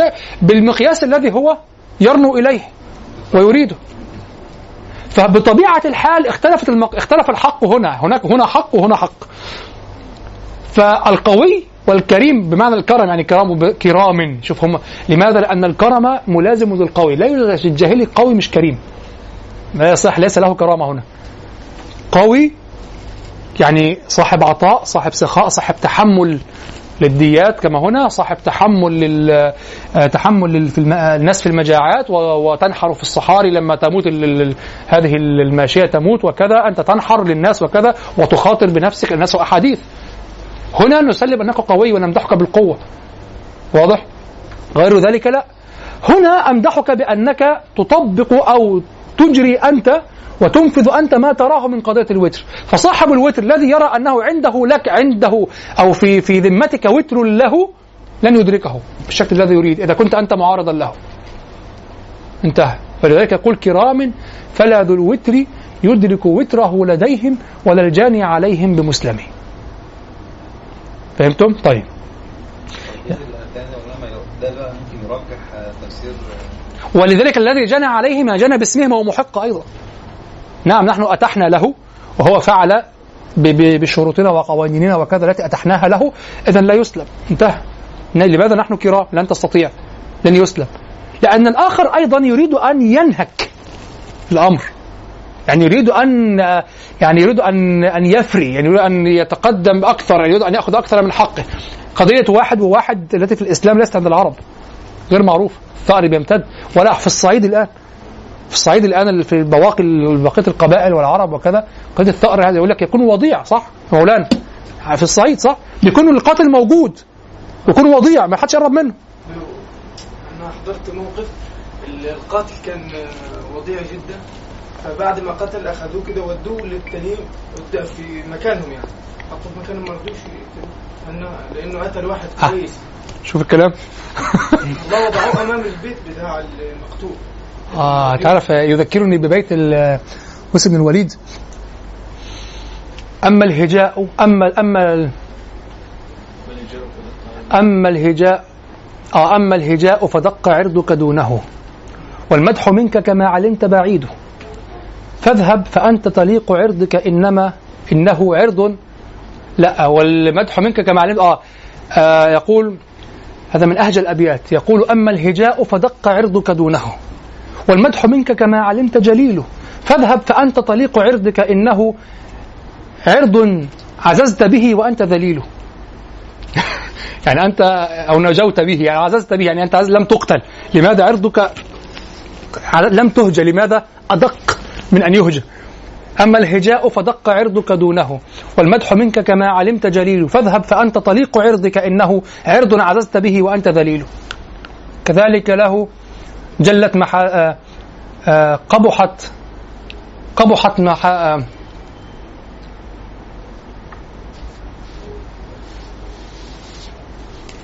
آه ظواهره آه ماذا قال؟ قال قبحت ظواهره فلما خبرته حسنت ظواهره لقبح المخبر يعني كان أراه قبيح فلما عرفت ما بداخله رأيت القبيح في الخارج جميل. غريب الشعراء؟ طيب فهو يقول لحي حلال يعصم الناس أمرهم إذا طلعت إحدى الليالي بمعظم كرام فلا ذو الوتر يدرك وتره لديهم ولا الجاني عليهم بمسلمين طيب هنا زهير كأنه انتهى من الواجبات التي كانت عليه. وقام بالقصيدة على ركنين. ركن مدح القوم الذين تحملوا الديات وعصموا الدماء وأوقفوا الحرب ووضعت عندهم أم قشعم رحلها. ويتوجه كذلك بالنصح إلى الذين إلى الأحلاف الذين دفعت عنهم هذه الديات وكذا ويدعو إلى قبولها. وعلى تفسير أبو موسى هنا توجد إشارة أو شيء من المدح إلى بني عبس وكذا. وطبعا ذم الخيانة في هذه القصيدة. القصيدة كلها تقوم على إرساء السلم ونبذ الحرب والحض على السلم وقبول الأدية وكذا وكذا. وهذا كله كما قلت يشهد لزهير بأنه كان حنيفيا شخص يتضايق إلى هذا الحد حتى أنه يدعو قومه صريحا بالحساب واليوم الآخر. كما قلت هذا يدل على أنه وهم الجمهور من الجاهلين ليسوا كذلك. هم وثنيون يقرون بوجود الله يقرون بأنه الخالق سبحانه وأنه متصرف في الكون سبحانه ولكن لا يقرون بشيء بعد الموت. لا يقرون بشيء بعد الموت. بعد الموت خلاص إن هي إلا أرحام تدفع وأرض تبلع فيعظهم ويقول يؤخر فيوضع في كتاب فيدخر ليوم الحساب أو يعجل فينقمي. هذا يدل على أنه كان في الأصل إما أن يكون داعيا فيهم بهذا أو في مقام الداعي بهذا. يعني هو معروف بهذا. فكأنه يدعوهم في هذه القصيدة كذلك. ولكن ليس أنه يتهكم بهم ويشد عليهم كما قال الدكتور محمد أبو موسى. وهذا يشهد له كذلك هذا الفصل الأخير. لما قال سئمت تكاليف الحياة. ما الذي وصل؟ يعني نحن رأينا من الجاهلين من كان حكيما ويحفظ الدماء ولا يتسرع في الحرب وكذا ولكن لم يبلغ هذا المبلغ الذي يصير عنده هما يختلي فيه بنفسه. أن الناس يسفكون دماء بعضهم مع أنه يوجد حساب ويوجد يوم آخر وكذا وكذا. إذا وضعت كل هذا بجوار ما روي عن بعض أحفاده أنه قال كان آه، كان زهير كان أبي زهير آه، يترهب أو من من مترهبة العرب وكذا وكذا وضعت كل هذا في أمام عينيك وضعت الشعر رقم واحد فتستطيع أن تفسر هذا الفصل الذي سيأتي. ومهم جدا أن تفهم روح هذا الفصل. لأنه سيقابلنا في تفصيله كلام كثير. هذا الفصل يقوم على هذا الفصل يقوم على خلوة اختلاها بنفسه وسئم فيها من تكاليف الحياة وسئم فيها من تعاملات الناس في جهة معينة وأخذ يبث هذه الخبرات في التعامل مع الناس وقد بلغ الثمانين. فليس شرطا أن تجد كل بيت هنا يقصد به شيء مباشر في القصيدة. انتبهوا هذا سيحدث إشكالا. إنما المهم أن تجد الحكمة في هذا الفصل هي من عائلة واحدة متعلقة بالبشر وتعاملات البشر ووفاء البشر وخيانة البشر ورخص الدماء وغلاء الدماء وما إلى ذلك. والعهود ونقد العهود المهم أن تكون فيه هذا المحيط الإخلاص المروءة حفظ العهود. حفظ الدماء الكرم كذا كذا. المهم ألا تخرج عن هذا. مهم جدا أن تفهم أن زهيرا هنا يخرج عن سياق القصيدة السياق بمعنى السياق الخاص للمعاني ويدخل في روح القصيدة ويختلي بنفسه في هذا الموضوع. حتى تفهم الأبيات وتفهم تسلسل الأبيات. الدكتور محمد بن موسى يحاول أن يجد تسلسلا في الأبيات وهذه مشكلة وغلط. يحاول أن يبحث عن تسلسل في داخل كل بيت وتوالي الأبيات. ويحاول أن يربط كل بيت بأحداث القصيدة لا بروح القصيدة وهذه المشكلة ندخل في التفصيل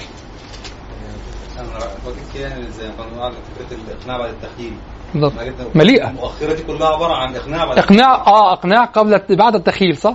آه كأنها بالضبط كل الناس كذا والناس كذا حتى لو استرسل في أمور لم تحدث باعيانها في داخل القصيدة. يعني لم ليس لها ظل عملي بنفسها لكن مجاورة لأنه يبث همه الذي يدخل فيه حوادث أخرى.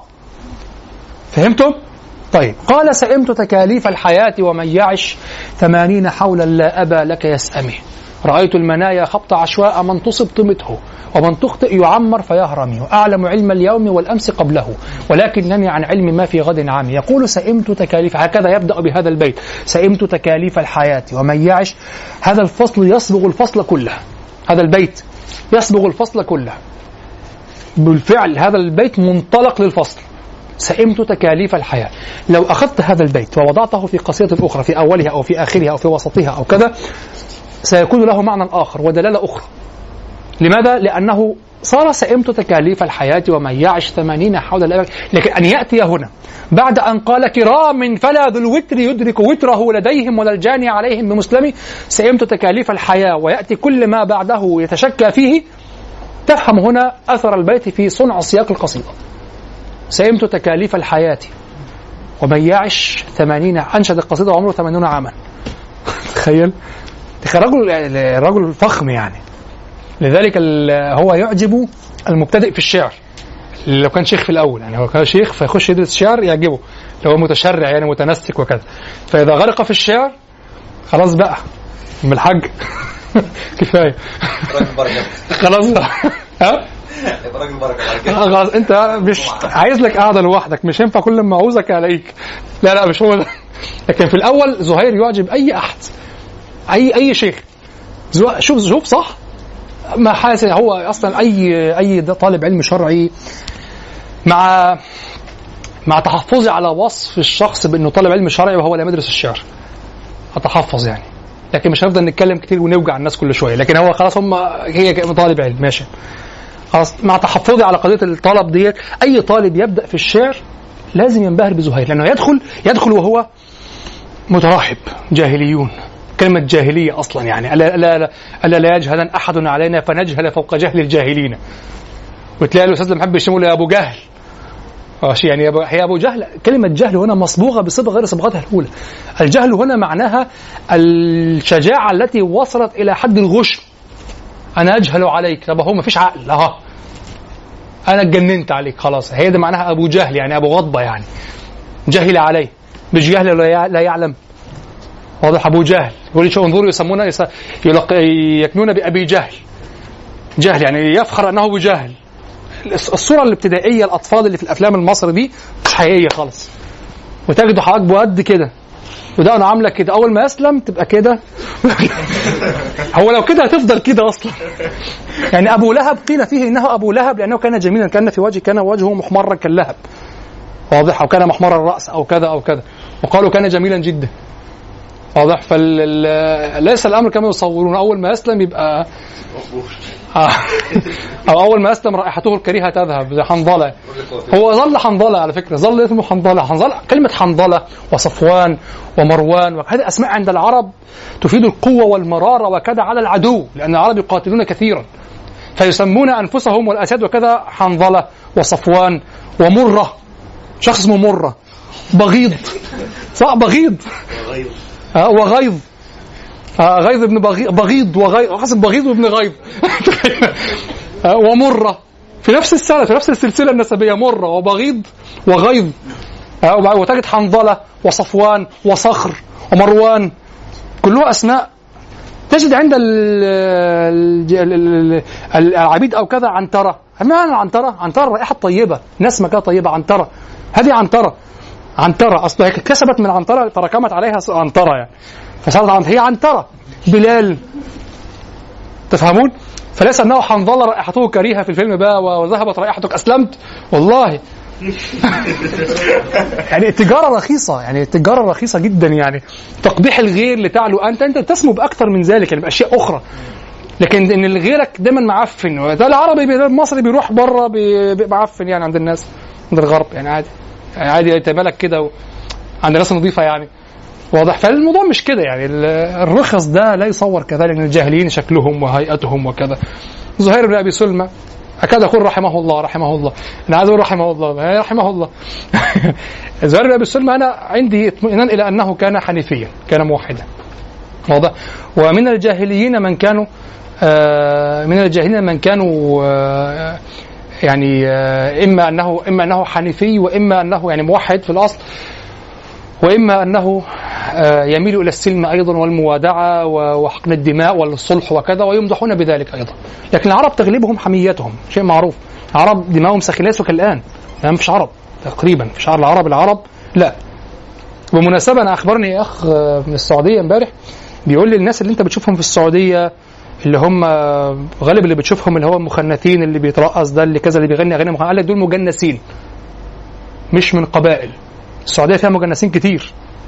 فيها مجنسين من بلاد كتير. من فارس ومن ومن الافغان البلاد ما وراء النهر وكذا وكذا بدون تسمية بلاد يعني. بيقول لي مجنسين كتير. المجنس في المجتمع السعودي بينظر ليه هو ينظر نفسه بينظر ليه نظر أقل. يعني ما زالت الروح القبلية موجودة.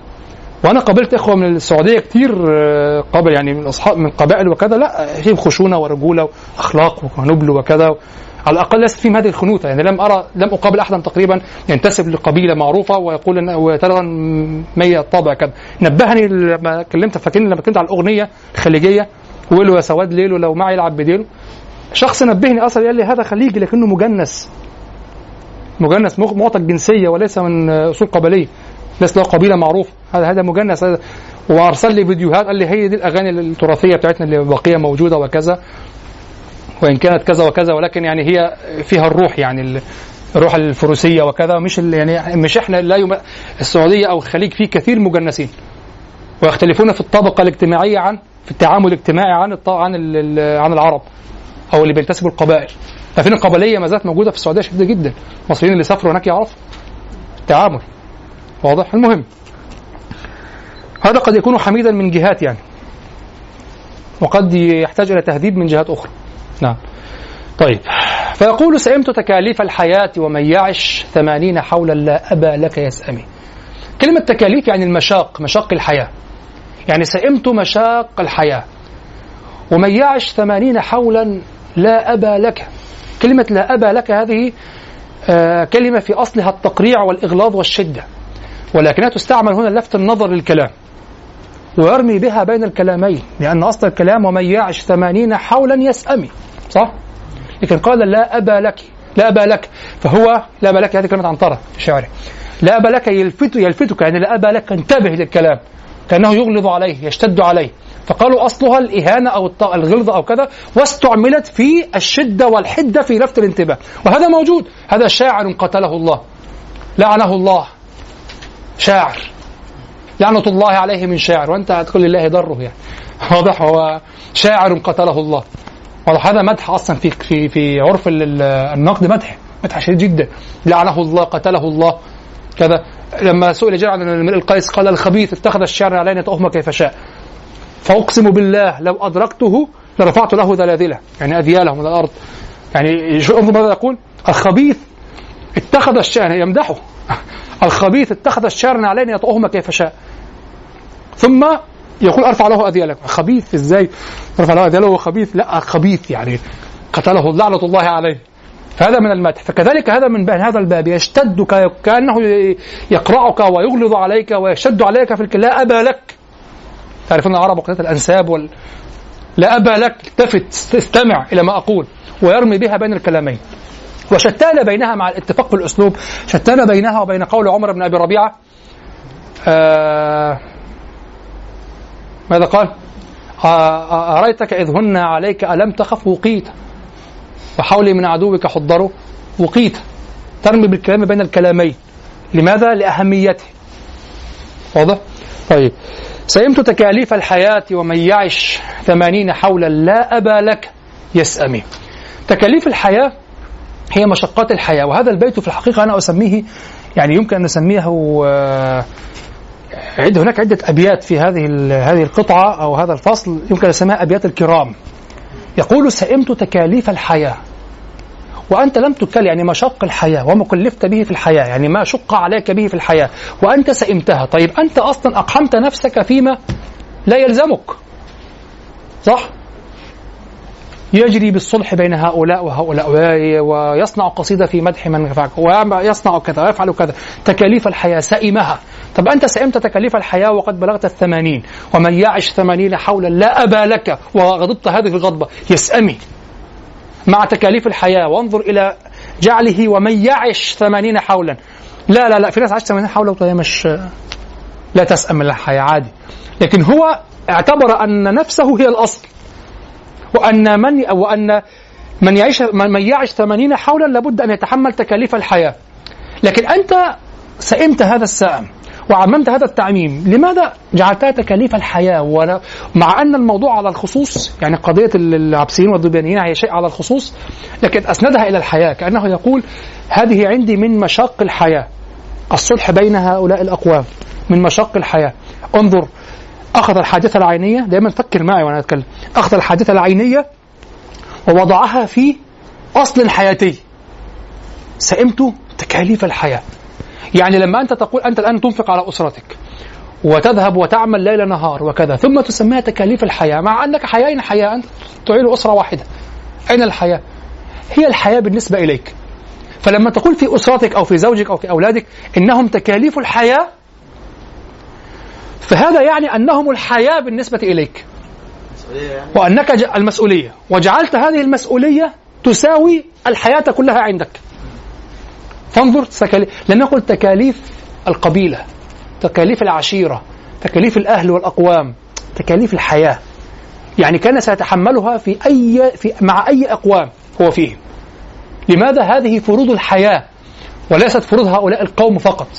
ليست مشكلة القبلية فقط. هكذا أعش أعيش هكذا ومن يعش ثمانين حولا مثلي لا أبا لك يسأمي رحمكم الله. ومن يعش ثمانين حولا مثلي لا أبا لك يسأمي. هذا من من أبيات الكرام في الحقيقة. دكتور أبو موسى له تعليق جيد على قوله على قوله لا أبا لك يسأمي.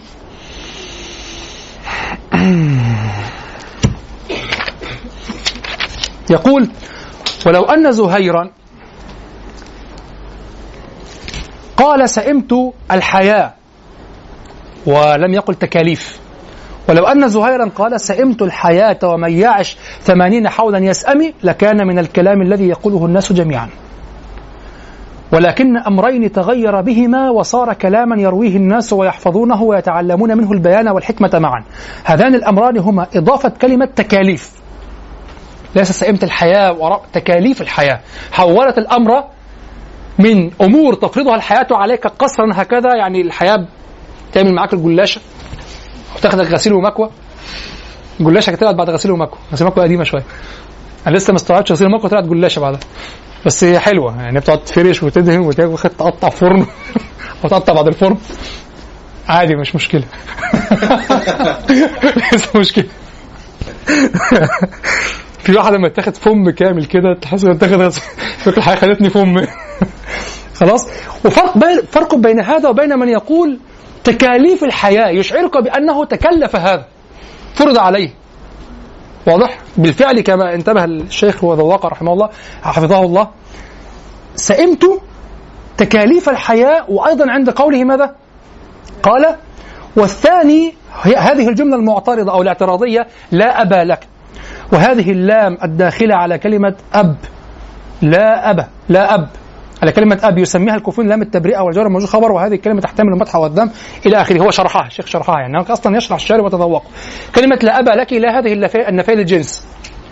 لا أبا لك تدخل على المبتدأ والخبر. ماذا تفعل لفعل الجنس تعمل عمل إن تصل وترفع الخبر. طيب لماذا قال هنا أبا هذا على مذهب وأنا شرحته وأخذ علي أنني شرحته في الأجرومية. قالوا هذا مستوى متقدم في شرح الاجروميه كان أحببت أن أبينه في إعراب الأسماء الخمسة في الأب والأخ. بعضهم يعربه إعراب المقصور مطلقا. يقول جاء أباك كلمت أباك ذهبت إلى أباك. ويجعل الحركة مقدرة على الألف. واضح؟ فأصل الكلام هنا ماذا؟ مولانا أصل الكلام هنا ماذا؟ لو لو أنني لم اجرها على هذا المذهب. تعمل عمل إن. عمل إن مولانا. لا أبا لك. والبعض أظن يقولها هكذا لا أبا لك. يعني لو أجراها على الإعراب المشهور المعروف سيقول لا أبا لك. واضح؟ لكنه أجراها على إعراب ماذا؟ على على من يعربها إعراب المقصور مطلقا. لا أبا لك.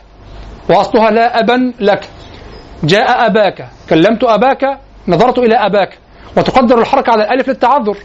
كان يقول هي أبا هكذا مطلقا. هذه لغة موجودة. وأنا شرحتها في الأجرومية يعني وقيل لي ما كان ينبغي أن تظهر يعني. بس القصر دي في الخطاب الضمير صح؟ إيه؟ لكن هذا مذهب آخر حتى لو الحقت بالضمير. الحق بالضمير دوت على المذهب. ولذلك أخذ علي أن شرحته في الأجرومية أنه كان سيعمل قصدي لغط يعني. يعني لا إشكال لا لا علاقة. مطلقا زي قلت مطلقا. مطلقا. صح؟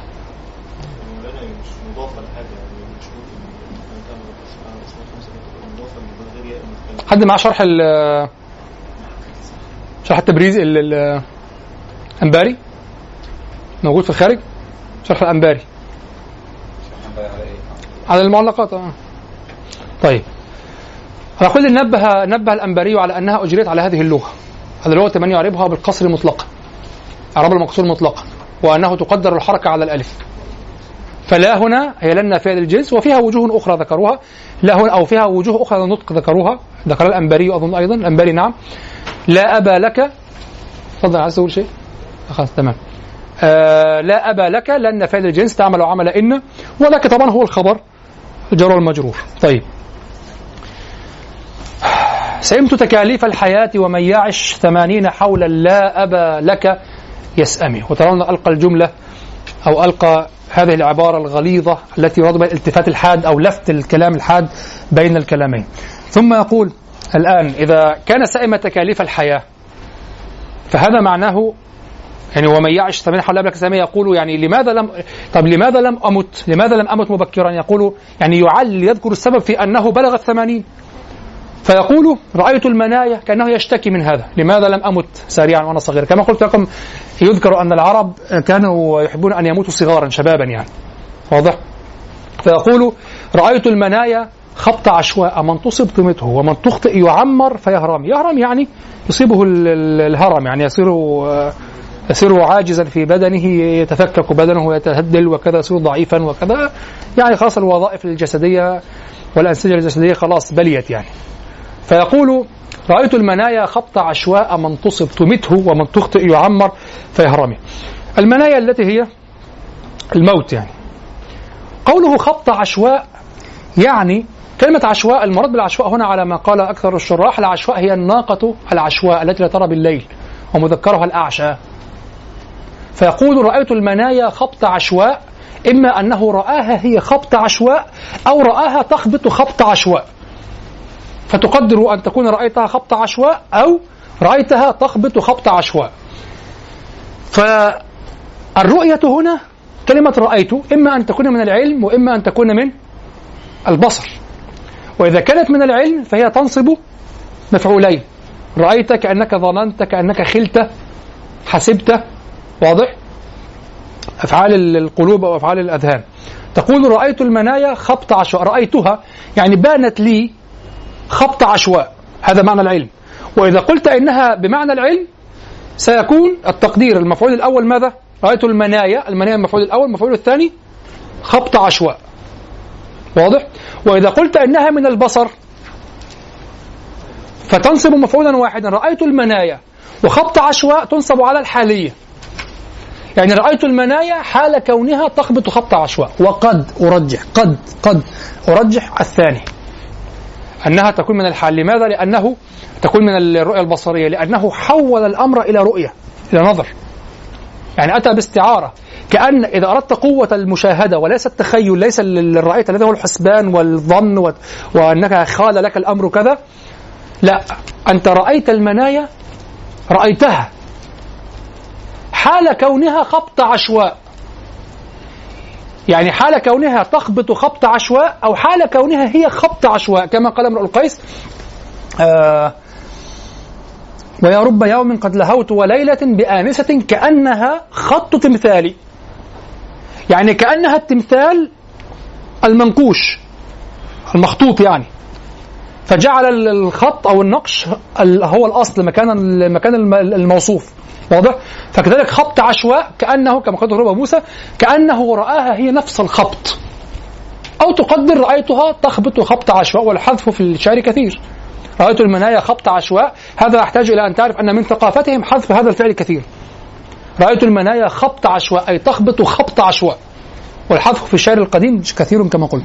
فيقول رأيت المنايا وأنا أرجح أن الرؤية هنا الرؤية البصرية مجازا. كأنه رأى المنايا تخبط خبط عشواء وقالوا في العشواء هي الناقة العشواء الناقة التي لا ترى بالليل. ومذكرها الأعشى. واضح؟ الذي منه الأعشى الذي لا يرى بالليل. ففحل أو جمل أعشى وناقة أعشى هذه الناقة إذا سرت بالليل لم ترى. صح؟ إذا مشت بالليل لم ترى. فقال رأيت المنايا تشبه الناقة التي تخبط أي حال كونها تخبط خبط عشواء فاستعار الناقة لي أو شبهها تشبيها بليغا بالناقة التي تسير في الليل فهي تخبط خبط عشواء. فهذه المنايا اللي تخبط خبط عشواء يقول رأيت المنايا خبط من, من تصب تمته. خلاص وانتهى أمره. ومن تخطئ من لا تصبه لم ينجو أيضا.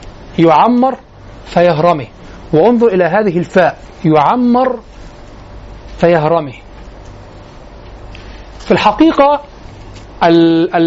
وقوع الهرم في الشخص ليس تاليا ليس لا يحدث في عقيب أو مع في الترتيب مع آه، مع التعمير وإنما يحدث معه.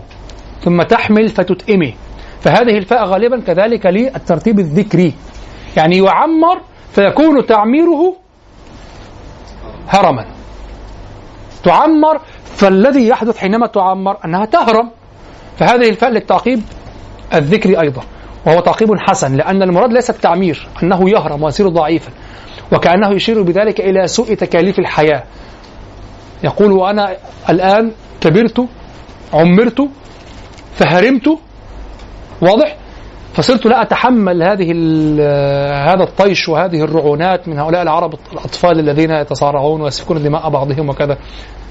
تربط الأبيات سئمت تكاليف الحياة ومن يعش ثمانين حولا لا أبا لك يسأمي رأيت المنايا خبط عشواء. من تصب تمته ومن تخطئ مثلي يعمر فيهرمي فيسأم تكاليف الحياة. واضح؟ نعم. هو ممكن يعني فكرة أن يكون رأيت الرؤية حقيقية يعني مش مش مجازية أو فعل المنام فعل الموت آه، واحد يموت الثاني لا واحد يموت الثاني أنا شايف بعينيا إن في ناس بتموت وناس هذا الموضوع هذا المقصود تمام. صحيح. آه، لكن مش إن أنا شايف الموت كموت لا أنا شايف فعل الموت. يعني ملك الموت بياخد. يعني الرؤية هنا بصرية؟ أيوه وه- وهذا المطلوب. هذا المقصود. مجازا. يعني رؤيه مجاز مجاز ونعم هي مج... لا لا لأنه قال رأيت المنايا والمنايا نفسها لا ترى. أثرها الذي يرى؟ اثر يعني في ولذلك ولذلك سيكون مجازا. لأنه يقول رأيت الم... وأثبت المنايا فعلا. رأيت المنايا خبط عشواء من تصب هي تمته. فكأن المنايا شيئا يراه. شيء يراه. لما قلنا ان هو قلت هو كان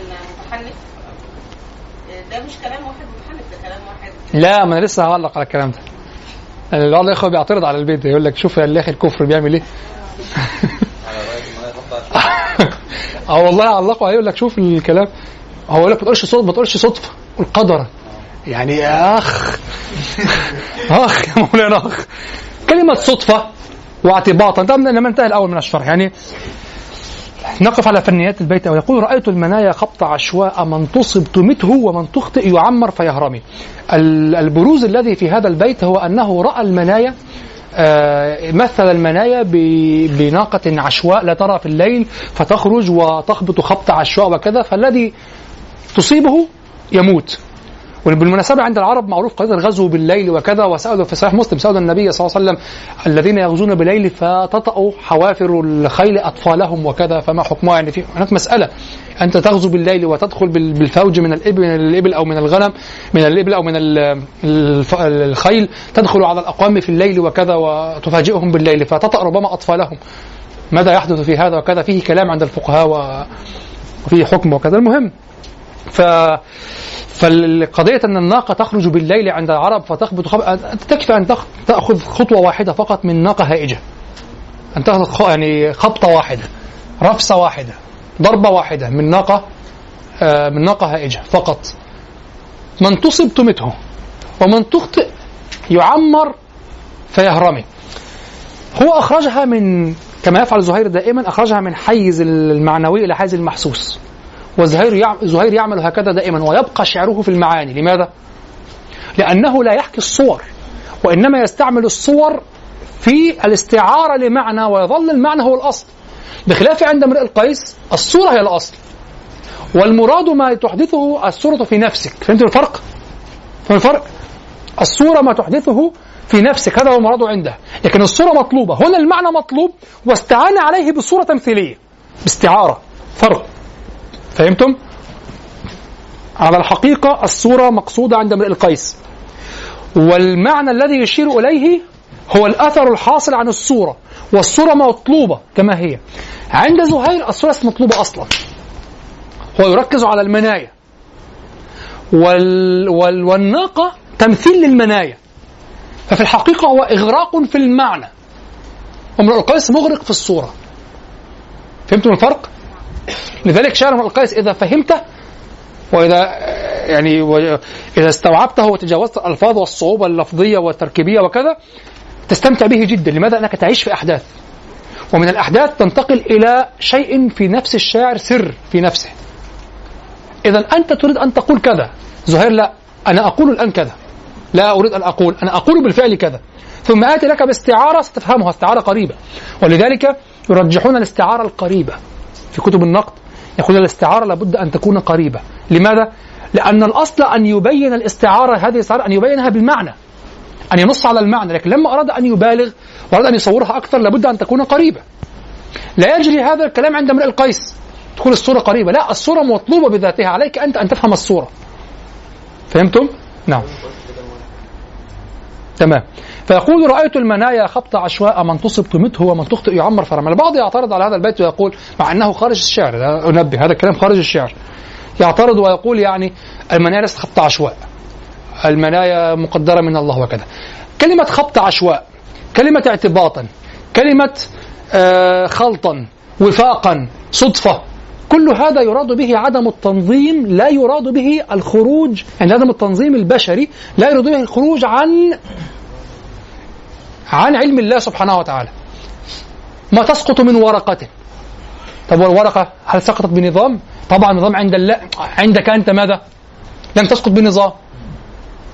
هناك ألفاظ تستعمل في مثل هذا. العشوائية الاعتباطية. اعتباط ليس من العبط. اعتباط يعني بدون تنظيم. هذه ليست مسيئة في الأصل.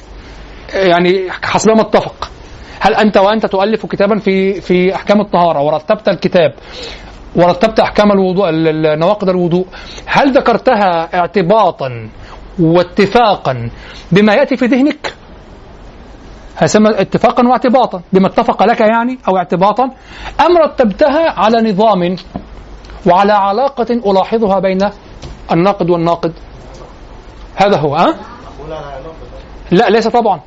هناك اتفاق هناك من يؤلف اتفاقا وهناك من يؤلف هكذا. أنا أقصد يعني التعبير عن لفظ آه، شرح لفظ الاعتباط والاتفاق.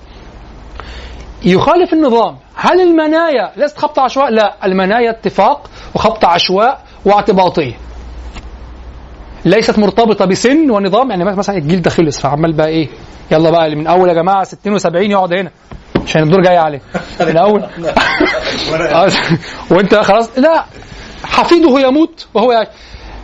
أوس أبو ذؤيب الهذلي مات أولاده الخمسة وهو حي فأنشد العينين مفجوع وكان يحزن أنهم ماتوا وكذا. اتفاق واعتباط طبعا الذي ينتظره الناس أن يموت هو أولا. واضح؟ وطرف له بيت تصويري جميل جدا. ماذا يقول؟ لعمرك إن الموت ما أخطأ الفتى لكالطول المرخى وثنياه باليد. في رواية ثانية خارج الأصمعي في تكميل هذا البيت. متى ما لعمرك إن الموت ما أخطأ الفتى لكالطول المرخى وثنياه باليد. متى ما يشأ يقول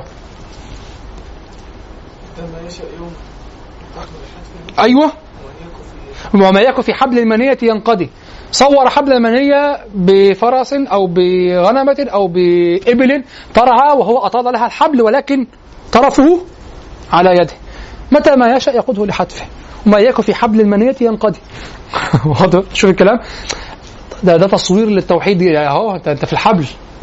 واخد بالك؟ فبالفعل بالعكس هذا البيت واضي جدا. لا تنظر إلى سنك لا تنظر إلى كذا. أنك صغير؟ آه. فجأة. وأنت صغير يحدث كذا. أنت شاب يحدث كذا. لا تنتظر. تموت قبل الكبير. رأيت المنايا خبط عشواء. طبيعي. من تصب تمته ومن تخطئ يعمر فيهرمي. ثم كأنه يقول وما الذي إذا يعني كأنه يقول وهذه الحياة التي عشتها وكبت فيها التكاليف ورأيت فيها هذه الأمور والمشاق وسئمت فيها من طولها وكذا يظل السبب في كوني لا آه، في كوني يعني أشكو منها وكذا أنني لا أعلم ما في غد يعني ربما تظن أن خبرة الحياة تنفعني. واضح؟ فيقول لك وأعلم علم اليوم والأمس قبله. علم اليوم والأمس قبله. ولكنني عن علم ما في غد عمي. وأعلم علم اليوم والأمس قبله. ولكنني عن علم ما في غد عمي. آه، أجود ما آه، أجود ما يعني أقابله في هذا البيت. هو شيء سأرجع إليه. هو قوله قبله. ولكن أيضا فيه إسباغ جميل جدا. وهو قوله آه، عمي. انظر كيف جعل كلمة عمي يعني جهل الجهل من العمى. وكأنه بالمقابل يجعل لك العلم نورا. يعني كأنه يقول لك الذي يعلم يرى.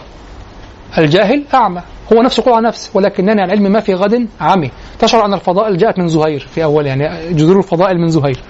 رحمه الله. هي تيجي خلينا أقولها. مرة يعني. نعم. دكتور أبو موسى هنا له إحسان في التعبير.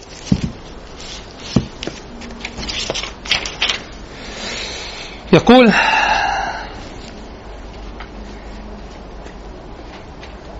يقول ثم هو بالنسبة هذا البيت بالنسبة لما بعده هذا البيت يعني وأعلم ما في الأمس ما في اليوم ما في اليوم والأمس قبله.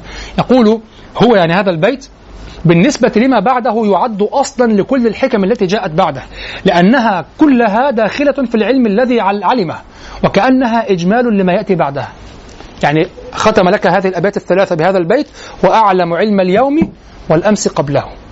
ثم سرد لك من علمه. كل ما يأتي إلى آخر القصيدة هو من علمه. نعم. وله تعليق أيضا يقول وقد أحسن كل الإحسان لما جعل كلمة عمي قافية ليبقى لها صويت في القلب ولكنني عن علم ما في غد عمي. فكان هنا فرك منها إلى العلم. فتذهب من هذا الذي نفرت إليه إلى هذه الأبيات بعدها. واضح؟ فلا تكن تكن أعمى فيما سأقول. اعلمه. لتنر عينك لترى عينك فيما سيأتي. نعم. فيقول وأعلم علم اليوم والأمس قبله ولكنني عن علم ما في غد عمي الدكتور أبو موسى هنا في هذا البيت آه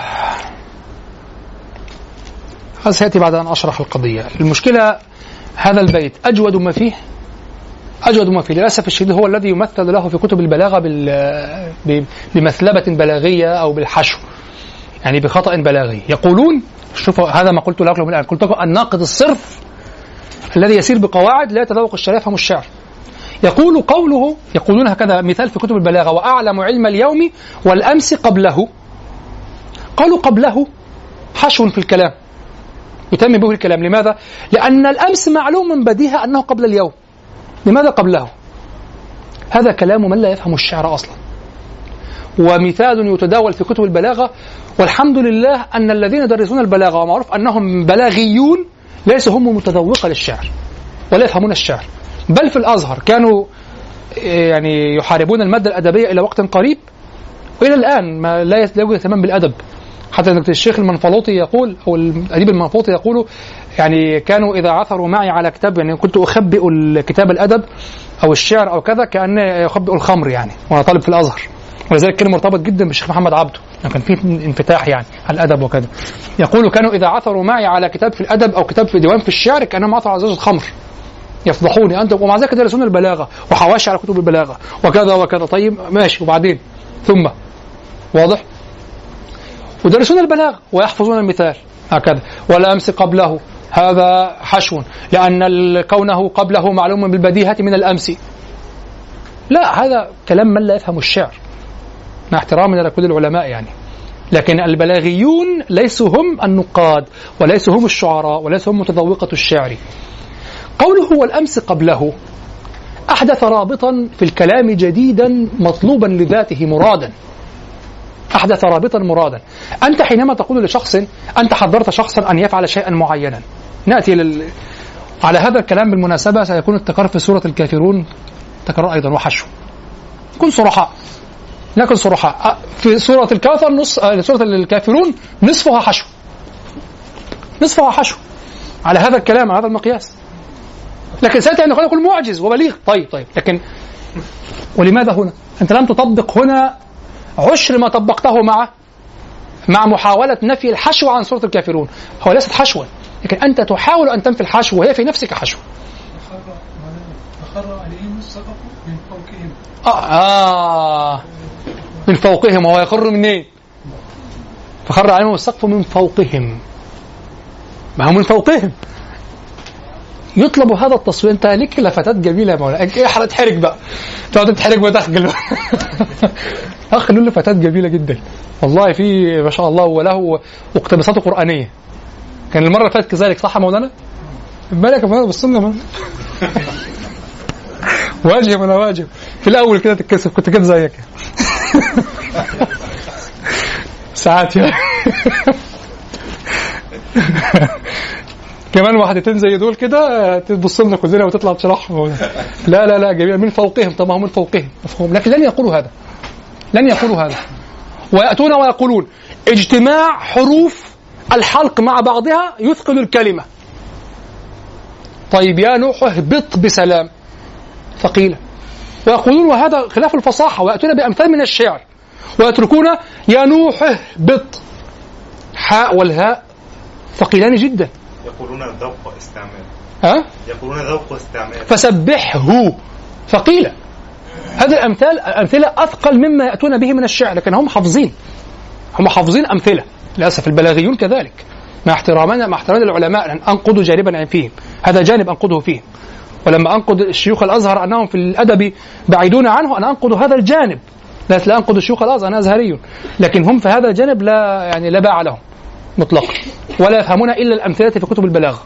انظروا إلى تدريسهم للعروض وتدريسهم لل لتدريسهم لل... للبلاغة. الأمثلة الموروثة المحفوظة يحفظونها. هكذا قيلت لنا. هكذا قيل الذواق فيهم غريب. كان الشيخ من؟ فيهم. لشرح الكامل. آه، الشيخ محمد رحمه الله؟ شيخ مرصفي. هذا فلتة فيه. فلتة. استثناء يعني. واضح لكن ليسوا كذلك أصلا ليس الأصل أن يكونوا كذلك هذا فلتة. نعم. طيب. يقول وأعلم علم اليوم والأمس قبله. أنت حينما يأتي شخص ويقول وينصحك هل أفعل هل أفعل هل أفعل هل أفعل؟ وتقول له لا تفعل. كل مرة تقول لا تفعل لا تفعل لا تفعل. سيحدث لك كذا لو فعلت. وتنبهه كثيرا. نبهته باللي- بالأمس باللي- بال- بال- بال- اليوم والأمس قبل اليوم. واضح؟ فجاء ففعل. فقلت له قد حذرتك اليوم والأمس قبل اليوم. قد حذرتك اليوم بال- باليوم وبالأمس قبل اليوم. واضح؟ ما موقع كلمة قبل اليوم؟ يعني يعني. كأنك كأن أنشأت علاقة جديدة. أنت قلت حضرتك اليوم وحضرتك الأمس. ولكن لما تقول له والأمس قبل اليوم قبله والضمير في قبله. يعود مرة أخرى على اليوم. كأنني أضم لك الأمس واليوم وأقول لك هذا المجموع لم تنتصح به. يا أخي ده أنا نبهتك بالمصري يعني. نبهتك النهاردة. وامبارح قبل النهاردة. يعني امبارح والنهاردة ما نفعوش. أنت فهمت يا مولانا صح؟ فهمت ها؟ أيوه. أيوه. أيوه. تسمعها من افريقيا حلوة كده. ياخد يقول لك أيوه. الذي يقول أيوه لا يزيد ثلاث سنين في مصر زيادة يقول أيوه. صح يا مولانا؟ البعض في الأول يقول أيوه ثم يقول أيوه. هذا مكث أكثر. يعني. صح؟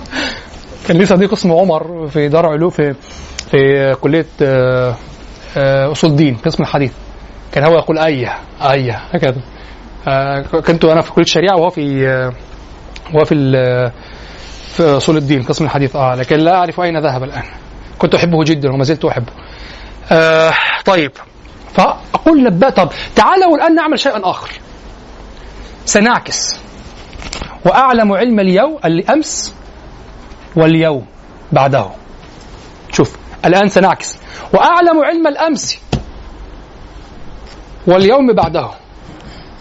أفدت شيئا جديدا ما هو؟ لكن على خلاف لا لحظة أنت اخرج من سياق زهير بقى خلاص أنا غيرت السياق. استعملت نفس التقنية نفس الإجراء في شيء آخر. ركزوا. وأعلم علم الأمس واليوم بعده. أنت أنت اتجاه المعاكس. كأنك تقول وأنا أستمر في العلم. لما تقول وأعلم علم اليوم علم الأمس وعلم اليوم بعده يعني الذي جاء بعده معناه أنني أواصل. لأنك هتقول فعلا ان أنا كمان هبدا اعرف ال- وس... وسأستمر على العكس بنفس الأسلوب. وأعلم علم الأمس اليوم والأمس قبله. حضرتك اليوم والأمس قبله. قبله. أقول لك كأن كلمة قبله اختصار لي وظللت أنصحك. اليوم وبعده وقبله الأمس. والأيام متوالية في نصحك وأنت لم تنتصح. أنا أضفت شيئا جديدا. أنك ليس فقط أنك نصحتني في اليوم ونصحتني في الأمس. ولي تقول له واليت لك النصح. فهمتم الكلام؟ وأعلم علم اليوم والأمس قبله.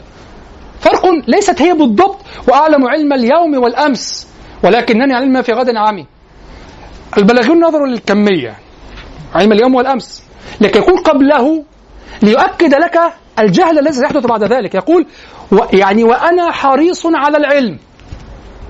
وأعلمه وأعلم عل- علم اليوم اليوم والأمس قبله يعني أنا أست... أنا واليت في العلم وكل هذا العلم الذي يتوالى ولا يوجد فيه فراغات وسقط لم ي... لم يشفع لي فيما سيأتي ولكنني لذلك استعمل ولكنني لكن وليس ولكن المخففة يزيد التأكيد ولكنني بعد علم اليوم والأمس قبله عن علم ما في غد عمي ولذلك أنا سئمت تكاليف الحياة فهمتم؟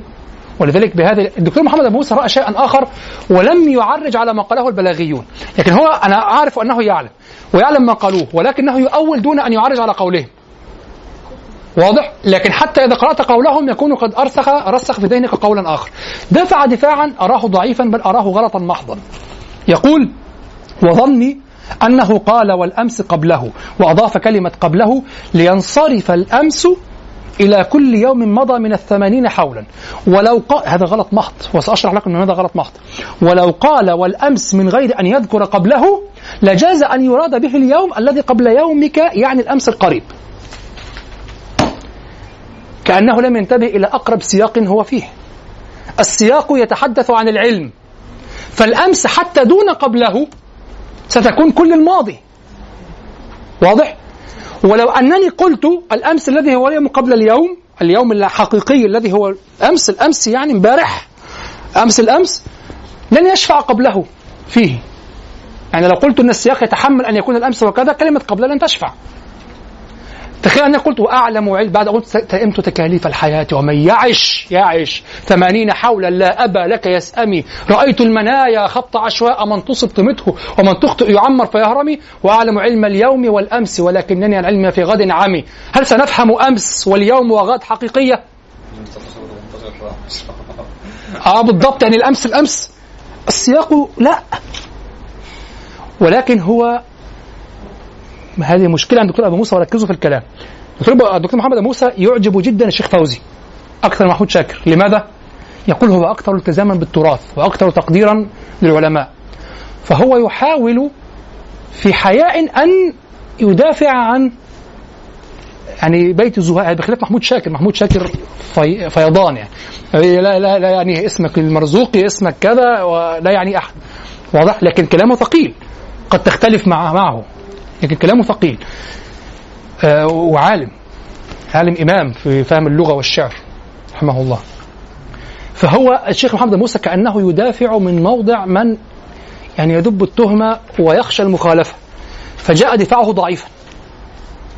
فنظر هكذا بأي نظرة؟ قال والأمس أو يريد وأيضا يريد أن يقدم علة واضحة شديدة الوضوح.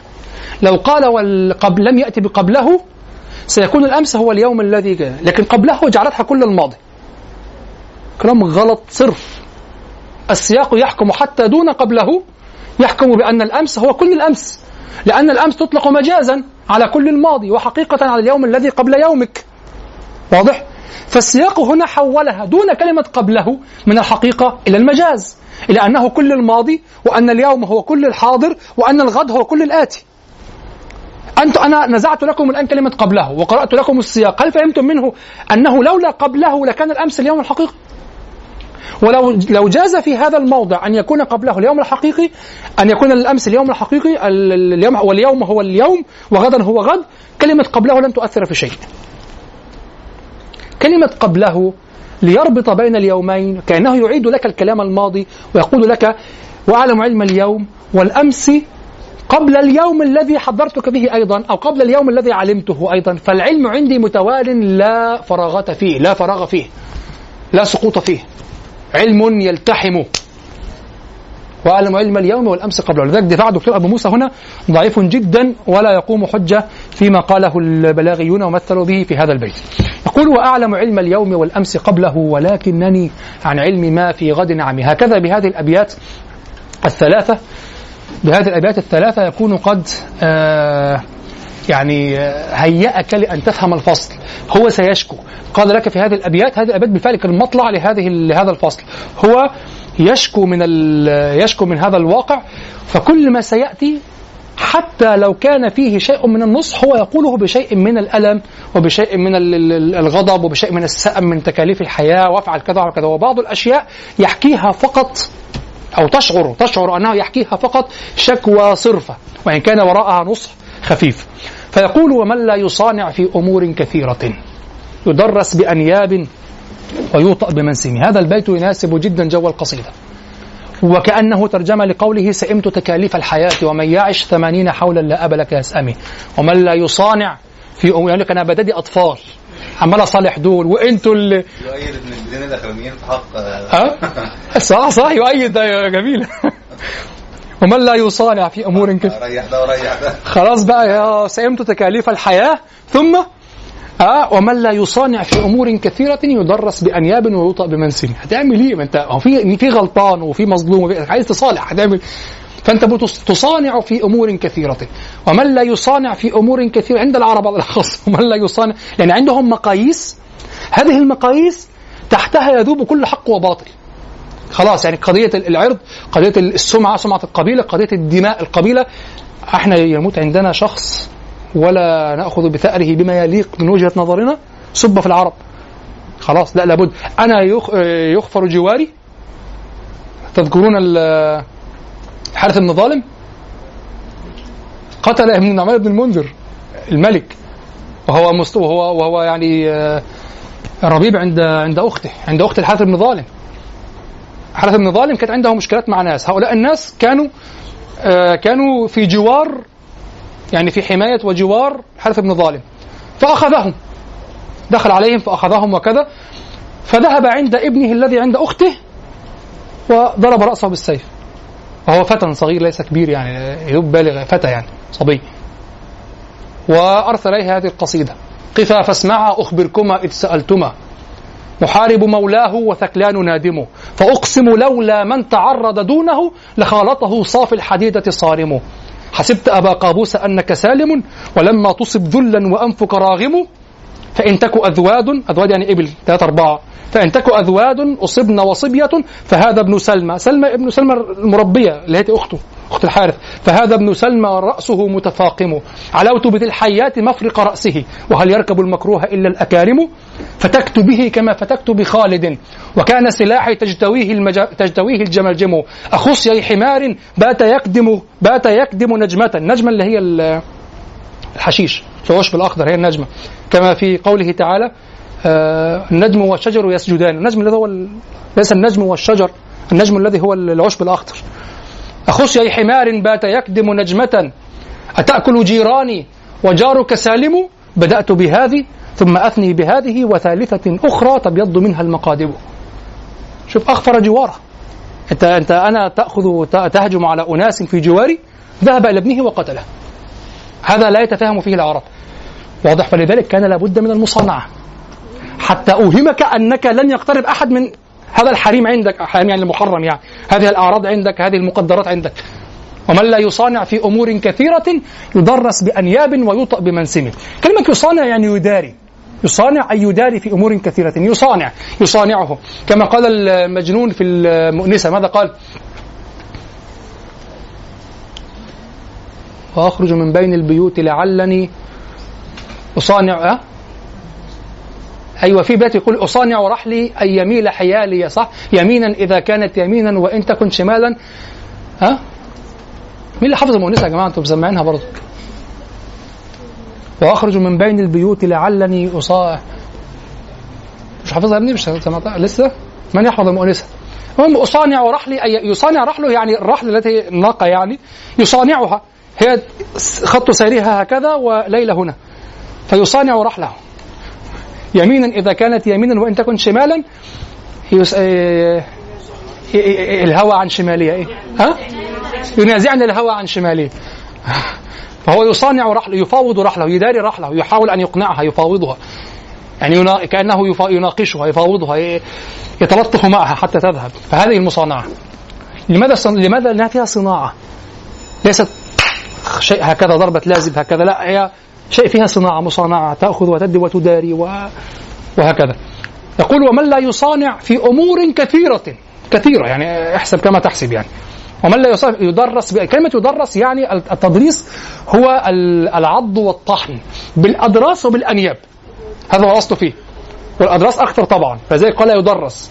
يكون بالأدراس وبالأنياب. العض والطحن والعض الشديد بالأدراس والأنياب. والأنياب معروفة. واضح؟ يدرس بأنياب ونسبات الأنياب وسأقول لماذا؟ ويوطأ بمنسم. المنسم هو أطراف خف الناقة. مش لها ظفران هكذا؟ هذان الظفران في الخف هما المناسم. هذه المناسم المنسم. واضح؟ قال وسأذكر لكم أيضا لماذا؟ هذا من فنية زهير في هذا البيت. يدرس بأنياب ويوطأ بمنسمه واضح؟ يقول ومن لا يصانع في أمور كثيرة؟ يدرس بأنياب ويوطأ بمنسم كما قلت هذا البيت مناسب لهذه الحرب جدا جدا جدا. أنا في الحقيقة أوافق الدكتور محمد أبا موسى في هذا البيت. أوافق في المبدأ الذي قاله دون التطبيق على هذا البيت. الدكتور محمد أبا موسى يقول هذا البيت لا ينصح به زهير ولا يرشد به ولكنه من باب حكاية الواقع والتألم من هذا الواقع. فيقول بيت رقم كام؟ آه. يقول والمجاملة أو المصانعة تعني ملاينة ملاينة من لا مل آه تعني ملاينة ما لا ترضاه وما لا تقتنع به وقد يكون فيه الباطل بل غالبا ما تدل كلمة المصانعة والمجاملة على الملاينة في الباطل وليس هذا من الخلق الذي يرضاه زهير وكأن هذا البيت يصف داء من الأدواء الوبيلة التي كان زهير يراها ويعقلها ويجاهدها ولكنها ذات قوة وذات وجود غير قابل لأن يعدل واضح؟ آه وهو يقول تحت هذا البيت قبل أن يشرحه هذا ما أردت أولا يقول ولا بد أن نلاحظ أن هذا العلم العلم الذي سيعطيه يعني يقول وهذا هذا بداية علم زهير الذي استمده من الأيام وليس من رؤوس المفكرين ولا بد أن نلاحظ يعني لم يستمده من رؤوس المفكرين وإنما من من الأيام. ولا بد أن نلاحظ أن هذا العلم الذي هو الحكم ليست كلها مما يوصي بها زهير وليست مما يرضاه كله وإنما فيه من هذا ومن ذاك. لأنه يحدثنا عما استخلصه من الأيام وما دارت عليه الأحداث والأحوال سواء كان يرضاه أو لا يرضاه. طيب ثم ذكر أن هذا ليس مما يرضاه زهير وإنما يذكره كقوله ومن لا يظلم الناس يظلم أنا أوافقه هنا في من لا يظلم الناس الناس يظلمي لا أوافقه هنا لأنه لما صارت هذه عادة هكذا ومن من لا ومن لا يصانع في أمور كثيرة أصبح يرشد إلى المصانعة. كأنه يقول لك لابد أن تصانع. شفتوا محمود عبد العزيز؟ هو بس تاخد الحق صنعة وبالذوق وبالأصول أخذ الحق إزاي بالأصول؟ الحق يعني ليس في أصول الأصول إن هو مش هو حق هو ليه؟ في مصر هناك مثل في مصر يقول لك أخذ الحق صنعة أخذ الحق حرفة؟ لكن أنا أعرف صنعة وصلني صنعة هي حرفة أخذ الحق حرفة. مثل مصري حرفة صح؟ أخذ الحق حرفة. تحتاج إلى المصانعة والحرفة حتى تأخذ الحق في مصر. حق يا جدعان حق. حق. يعني هو حق. حق. وجب. وجبت جنوبها. وجب. هو وجب. حق. يثبت للجنين في بطن أمه. كيف أحتاج إلى حرفة لاستخلاصه ما هو كده. لازم حق. طب خلاص أنا في مصر بنصحك أخذ الحق حرفة. لازم تاخد في حرفة لأخذ الحق. ولو ما خدتوش بحرفة تبقى غلطان. ده حق. بس بأصول. هو حق يا جماعة. أنت كده غاصب. أنت آه أنت غاصب. معلش هو في إيدي. بس أنت غاصب. حضرتك أنت حرامي كده ساعتك. المفروض تروح تديهولي كده ده حق. يعني أخويا في مرة لقى موبايل غالي جدا ب 4000 5000 أو كذا. اتصل على صاحبه وتأكد إنه صاحبه اداهوله. رايح يديله مبلغ عمولة مش عايز ياخده. قال له في إيه؟ إزاي مش مش مصدق إنه مش عايز ياخد حاجة. مش مصدق إن التاني ما شالش الشريحة و... حرام سهل كده. مستغرب يقول لك الأصل الموبايل بيتقفل. يعني كده ماشيين في الشارع حرامية يا جماعة الناس حرامية. ما معنى إن الأصل الموبايل ما يرجعش يعني اللي أنا شايفهم في الشارع دول حرامية. واحتمال يكون فيهم حد مش حرامي.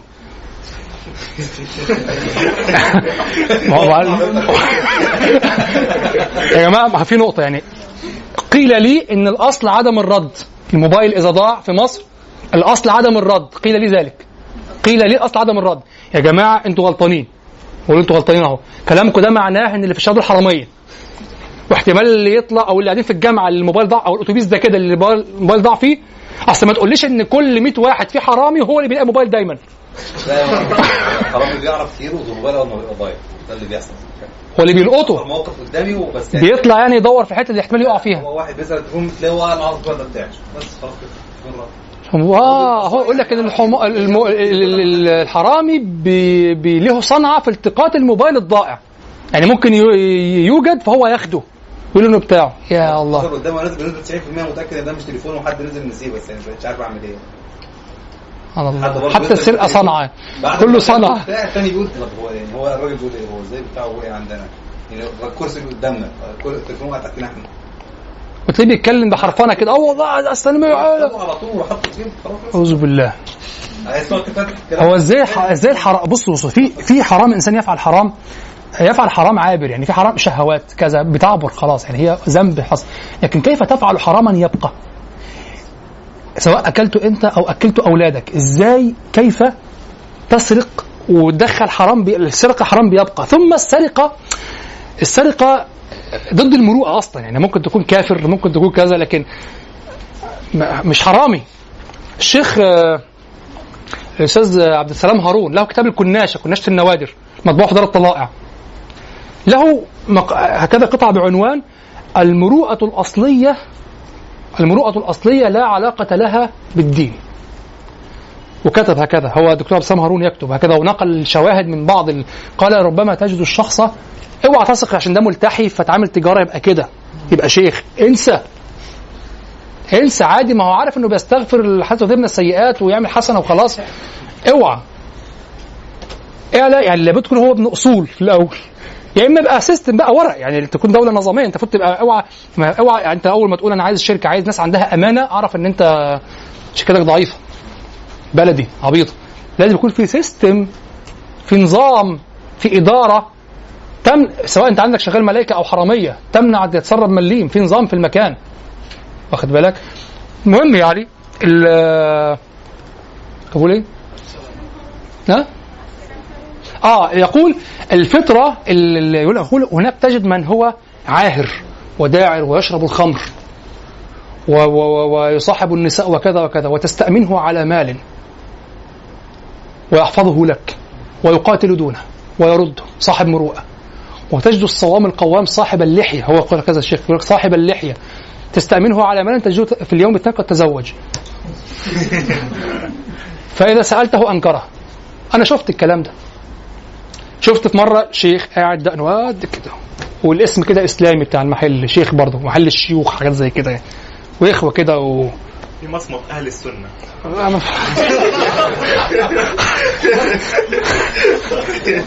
أيوه عشان قاعدين يحمروا فيه.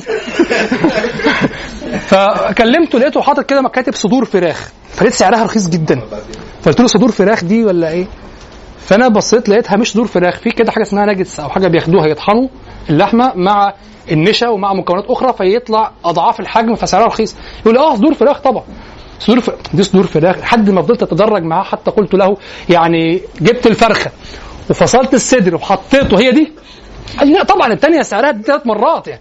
قلت له طب حضرتك لو سمحت عايز أقول لك حاجة التعريض ده ينفع وأنت بتستجلب حق مش معاملة. التعريض هنا حرام قولا واحدا. أنت ينبغي تتكلف تظهر لي إنها مش كده. لو شفت لو سكت إن أنا مش فاهم دي أنت ينبغي تتكلف لأن المال الذي في جيبي ليس أصلا لك. أنت لا تستجلبه إلا بيقين. لكن لما يكون لك مال عندي بتاعك قالوا لك الحق أن تسرقه لأنه مالك. فتستخرجه بالتعريض أسهل. صح؟ لكن أنا أنت مالكش حق في اللي معايا. أنت هتسرقني كده. أنت ينبغي تحتاط بزيادة وتعلمني ما تشك أنني لا أعلمه حتى يصفو لك المال. قلت له حضرتك معلش يعني انت دلوقتي كنت تاكل حرام دلوقتي. فقلت لي صدور وانت عارف وانت شايفني عمال أقول لك اسالك اسالك اسالك. قلت له اديهم له كده وماشي. يقول لي انت الثانية اداها بثلاث مرات أربع مرات. قلت له طب أنا بسألك. تقول لي آه أهي وأنا عمال أقول لك كذا. لحد ما جبت خليتك ما فيش مجال لتعريض. قلت لك يعني جبت حضرتك الدجاجة شلت صدرها وحطيته في الطبق. هو ده؟ من غير ما يحصل حاجة في النص. هو ده؟ قال لي لا طبعا الثانية سعرها. طيب أنت مالك عمال تغشني ليه؟ واضح؟ الثانية 70% منها نشا يعني تاكلها تتخن دي تاكلها تعمل عضلات دي تاكلها تتخن. واخد بالك؟ في فرق. فغشاش. غشاش ولحية قد كده. وتتعامل خلي بس الكلمة العامة للأسف الحقيقيه تتعامل مع كتير من المسيحيين لا. صح؟ حتى بقى في كلمة على لسان العوام يقول لك المسيحيين عندهم ضمير. لا وفي مسلمين عندهم ضمير فمسيحيين ولد كلب حرامية. عادي. وفي مسلمين ولد كلب حرامية برضه. هي مسألة مروءة أصلية. مروءة أصلية. لا علاقة لها بمسيحي أو مسلم.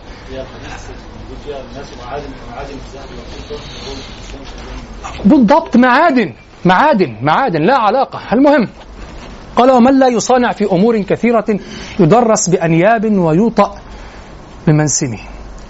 آه كلمة التدريس بالأنياب الفنية في هذا البيت؟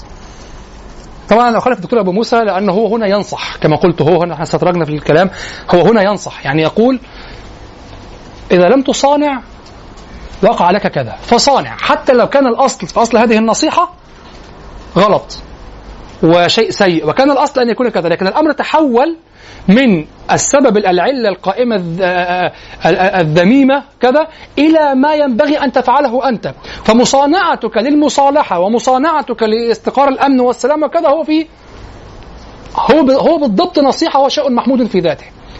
وليس أن كما قال الدكتور محمد أبو موسى زهير يقول هذا البيت حتى يعني فقط يبث همه وشكواه وهو لا يقر هذا. فلا تصانع. إخ... لا.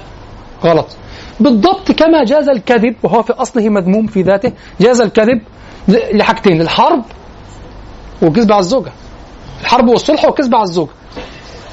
يعني تحط كذب على الزوجة بعد الحرب يعني. أنت أجمل من في الكون أنت كذا. أصلا حياتك هتخرب فانت بعد الحرب ولا؟ فالحرب والزوجة والصلح. يجوز. فلان فلان ده جميل. لذلك أنا ليس من السهل مصالحتي على أحد. لو خدت قرار بالغضب من أحد عينا وليس سهلا. إن أغضب من أحد عينا. أنا ممكن أغضب من قضية. أحد بعين لا. لكن لو خدت قرار إن غضبت من فلان مستحيل حد يصالحني عليه. ليه؟ أنا أنت بتستعبط عليا. أنت جايب ليه عمال في حاره السقايين. ما أنا عارف إن أنت هتقعد تكذب وتكذب وتكذب. وده بيحبك وده كذا. ما أقصدش. أنا في معلومات في دماغي. ده؟ قراري مبني على أمور عندي خلاص. أنت مش هتعرف تصالحني عليه. ليه؟ هتكذب. معروف. أنت بتصانع واخد بالك؟ فتصانع. وأنت عارف ده ده قال لي امبارح كذا وكذاب صرف. هو مستحلي. هو إن كان بيعرضه. مش هيكذب وهو هو اتقال له الكذب هنا يجوز هتلاقيه يجيب كل حاجة أساطير. واخد بالك؟ يا ابني ما حسيتش الكلام ده قبل كده ليه؟ واضح؟ ف لا. وخالف الدكتور أبو موسى في أن هذا البيت هو من من المدح ومن المصانعة آه، من المصانعة المطلوبة. آه، ثم أتى ولذلك انظر المصانعه يعتبر تعتبر نوعا من الجميل. نختم بالبيت الذي يليه. المصانعه تعتبر نوعا من الجميل نوعا من بذل المعروف. ولذلك أتى بما يشبهه فقال ومن يك ذا فضل فيبخل على فضله. أيضا نفس التضحية. فمن يك ذا ومن يك ذا فضل فيبخل على قومه فيبخل بفضل فيبخل بفضله على قومه فيبخل بفضله على قومه يستغنى عنه ويذممه ومن يك ذا فضل فيبخل بفضله على قومه يستغنى عنه ويذممه. الفضل هنا هو في الأصل ما فضل عن الشيء ولكنه يعم في كل ما تقدر عليه سواء كان هذا الفضل مصانعة تصانعها هذه مناسبة للبيت الذي قبله ليس شرط أن تكون هناك مناسبة لكن هنا توجد مناسبة. سواء كان هذا آه، آه، مالا تعطيه فوق حاجتك وكذا لقومك أو سواء كان قدرة تقدر عليها في المصالحة حتى لو كان قولا معروفا. ومن يك ذا فضل فيبخل بفضله على قومه يستغنى عنه ويذممه انظر هنا التخصيص بقومه. لأنه سيذم أشد الذم إذا بخل على قومه. وما يك ذا فضل فيبخل بفضله على قومه يستغنى عنه ويذمم. انظر إلى هذا الترتيب الحسن. يستغنى عنه ويذمم. أنا لم أبين في البيت ال- الذي قبله يدرس بأنياب ويطلق بمنسمه التدريس الأصل لو قال تدريس هكذا فانصرف في الغالب إلى الأدراس. مع حصول الأنياب. لكن أول ما قال يدرس بأنياب قيد التدريس بأن يكون بأنياب. يعني أحد يعني أسقط كل الفعل الأدراس أعرض فهي أرحم. تهرس أما الأنياب فتقطع. فهو يدرس بأنياب. ثم قال ويوطأ بمنسم المنسم البعير يسير هكذا صح؟ يعني يسير ترى خفه هكذا ينحدف خفه ثقيل. فينحدف إلى الخلف ثم يرجع. في هذا الرجوع المناسم تكون ستمس الأرض هذه المناسم. فيقول يوطأ بمنسمي لأنه لو وطئ بالمنسم هكذا. لحظة. طب لحظة. اشربوا والله دي أهي. هذا ال... هذا من سيوطأ. هذه الأرض وهذا من سيوطأ بالمنسب فتسير بالخف هكذا. صح؟ فلو وهي إذا سارت الخطوة ورجعت والتقطت أو لطت ال- الملقى في الأرض بالمنسم معناه أنه سينفرك تحت بقية الخف. سينفرك. متخيلون كيف الخف؟ أطراف أنا سأرسمها. خف البعير هكذا. مثلا. صح؟ وه- وهذا الخف من الجانب هو فيه ظفر وفيه جانب فيه هناك إصبع آخر فيه ظفر هكذا صح؟ تمام؟ هذه المناسم. البعير إذا سار يكون الخف هكذا. يعني هذه الأرض يكون الخف هكذا. وهذا هو الظفر. هذه المناسب صح؟ هو يرمي إذا دققت في آه، خف البعير وهو يسير يرمي بها هكذا. يرمي بها هكذا ثم يرجع ويكاد يمس الأرض ثم يضعها على الأرض ويرميها رمية أخرى. لماذا؟ لأن هذه أنسجة إسفنجية كما يقال إسفنجية يعني تنفرش على الأرض. لأنه مهيئ للعيش في الصحراء تنفرش على الأرض فلا تغمس. وهذه ثقيلة على هذه القصبة الرفيعة. هذه القصبة صلبة جدا جدا جلد على عظم. جلد سميك على عظم سميك جدا معروف. فهو يرميها رميا هكذا. فإذا رجع وكان هنا يوجد ما سيوطأ أو ما تمسه المناسم وكاد تمس الأرض فمعناه أنها ستأخذ هذا الشيء هكذا وتنفرك معه ثم تنداس مرة أخرى. هكذا. هكذا يرجع فيأخذ الشيء هكذا ثم هيتعمل جلاشة يعني. فهمتم؟ فقال ويوطأ بمنسمي. أصلا الوطأ لا يكون بالمنسم. لا يحدث الوطء بالمنسم هو هو مش مش باليه هو مش ماشي على باليه. مش ماشي على الأطراف ال- ال- الأظافر. كيف قال ويوطأ بمنسمي؟ يعني سيأخذه المنسم ويكمل الوطأ عليه بالخف. يقول لك إنه سيأخذ الوطأة من أولها إلى آخرها. والتضريس ذكر اسم التضريس ثم خصه بالأنياب. يعني كل هذا سيحدث في من لا يصانع. ممكن صورة معاصره شوية لو مش هتظبط عربيه لا بالعربيه هتفرمه أيوه. آه بالضبط كما في السيارة تقول آه صدمه نصف اكسدام السيارة. خبطوا نصف يعني إيه؟ يعني خلاص ما لما يخبطوا في الن- آه آه، الاكسدام خده من النص. يعني هو خده كده وعمل السنة ممشي وقام ماشي الاكسدام خده عارف الاكسدام؟ الاكسدام كده اللي هي الحتة اللي قدام دي. خده من نصه يعني إيه من نصه؟ يعني خلاص هنتفرم. لو خده من الجنب خلاص. كذلك يوطأ بمنسمي يعني يؤخذ هكذا ويأخذه في الدائرة الكاملة في الأمام ثم ينزل عليه. وكل خف بقى يتعمل فيه كده. واضح؟ يعني ينفرك فركا يعني. ومن لا يصانع في أمور كثيرة يدرس بأنياب ويوطأ بمنسمه ومن يك ذا فضل فيبخل بفضله على قومه يستغنى عنه ويذممه. هنا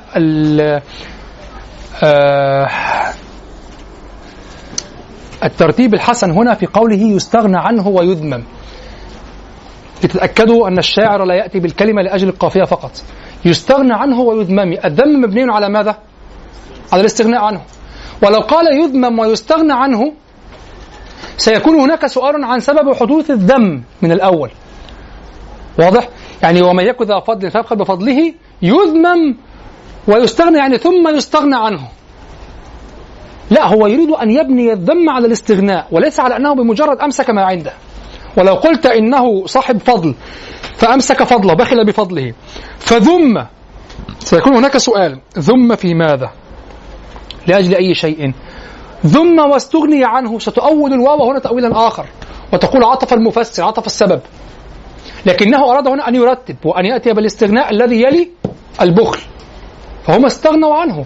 فلما استغني عنك تحتاج إلى أو حق حق لهم أن أن يذموك ولم يقع الذم ابتداء. ومن يكن ذا فضل فيبخل بفضله على قومه يستغنى عنه ويذمه جزاكم الله خيرا. هو الذي بعث في الأميين رسولا منهم يتلو عليهم آياته ويزكيهم ويعلمهم الكتاب والحكمة وإن كانوا من قبل لفي ضلال مبين.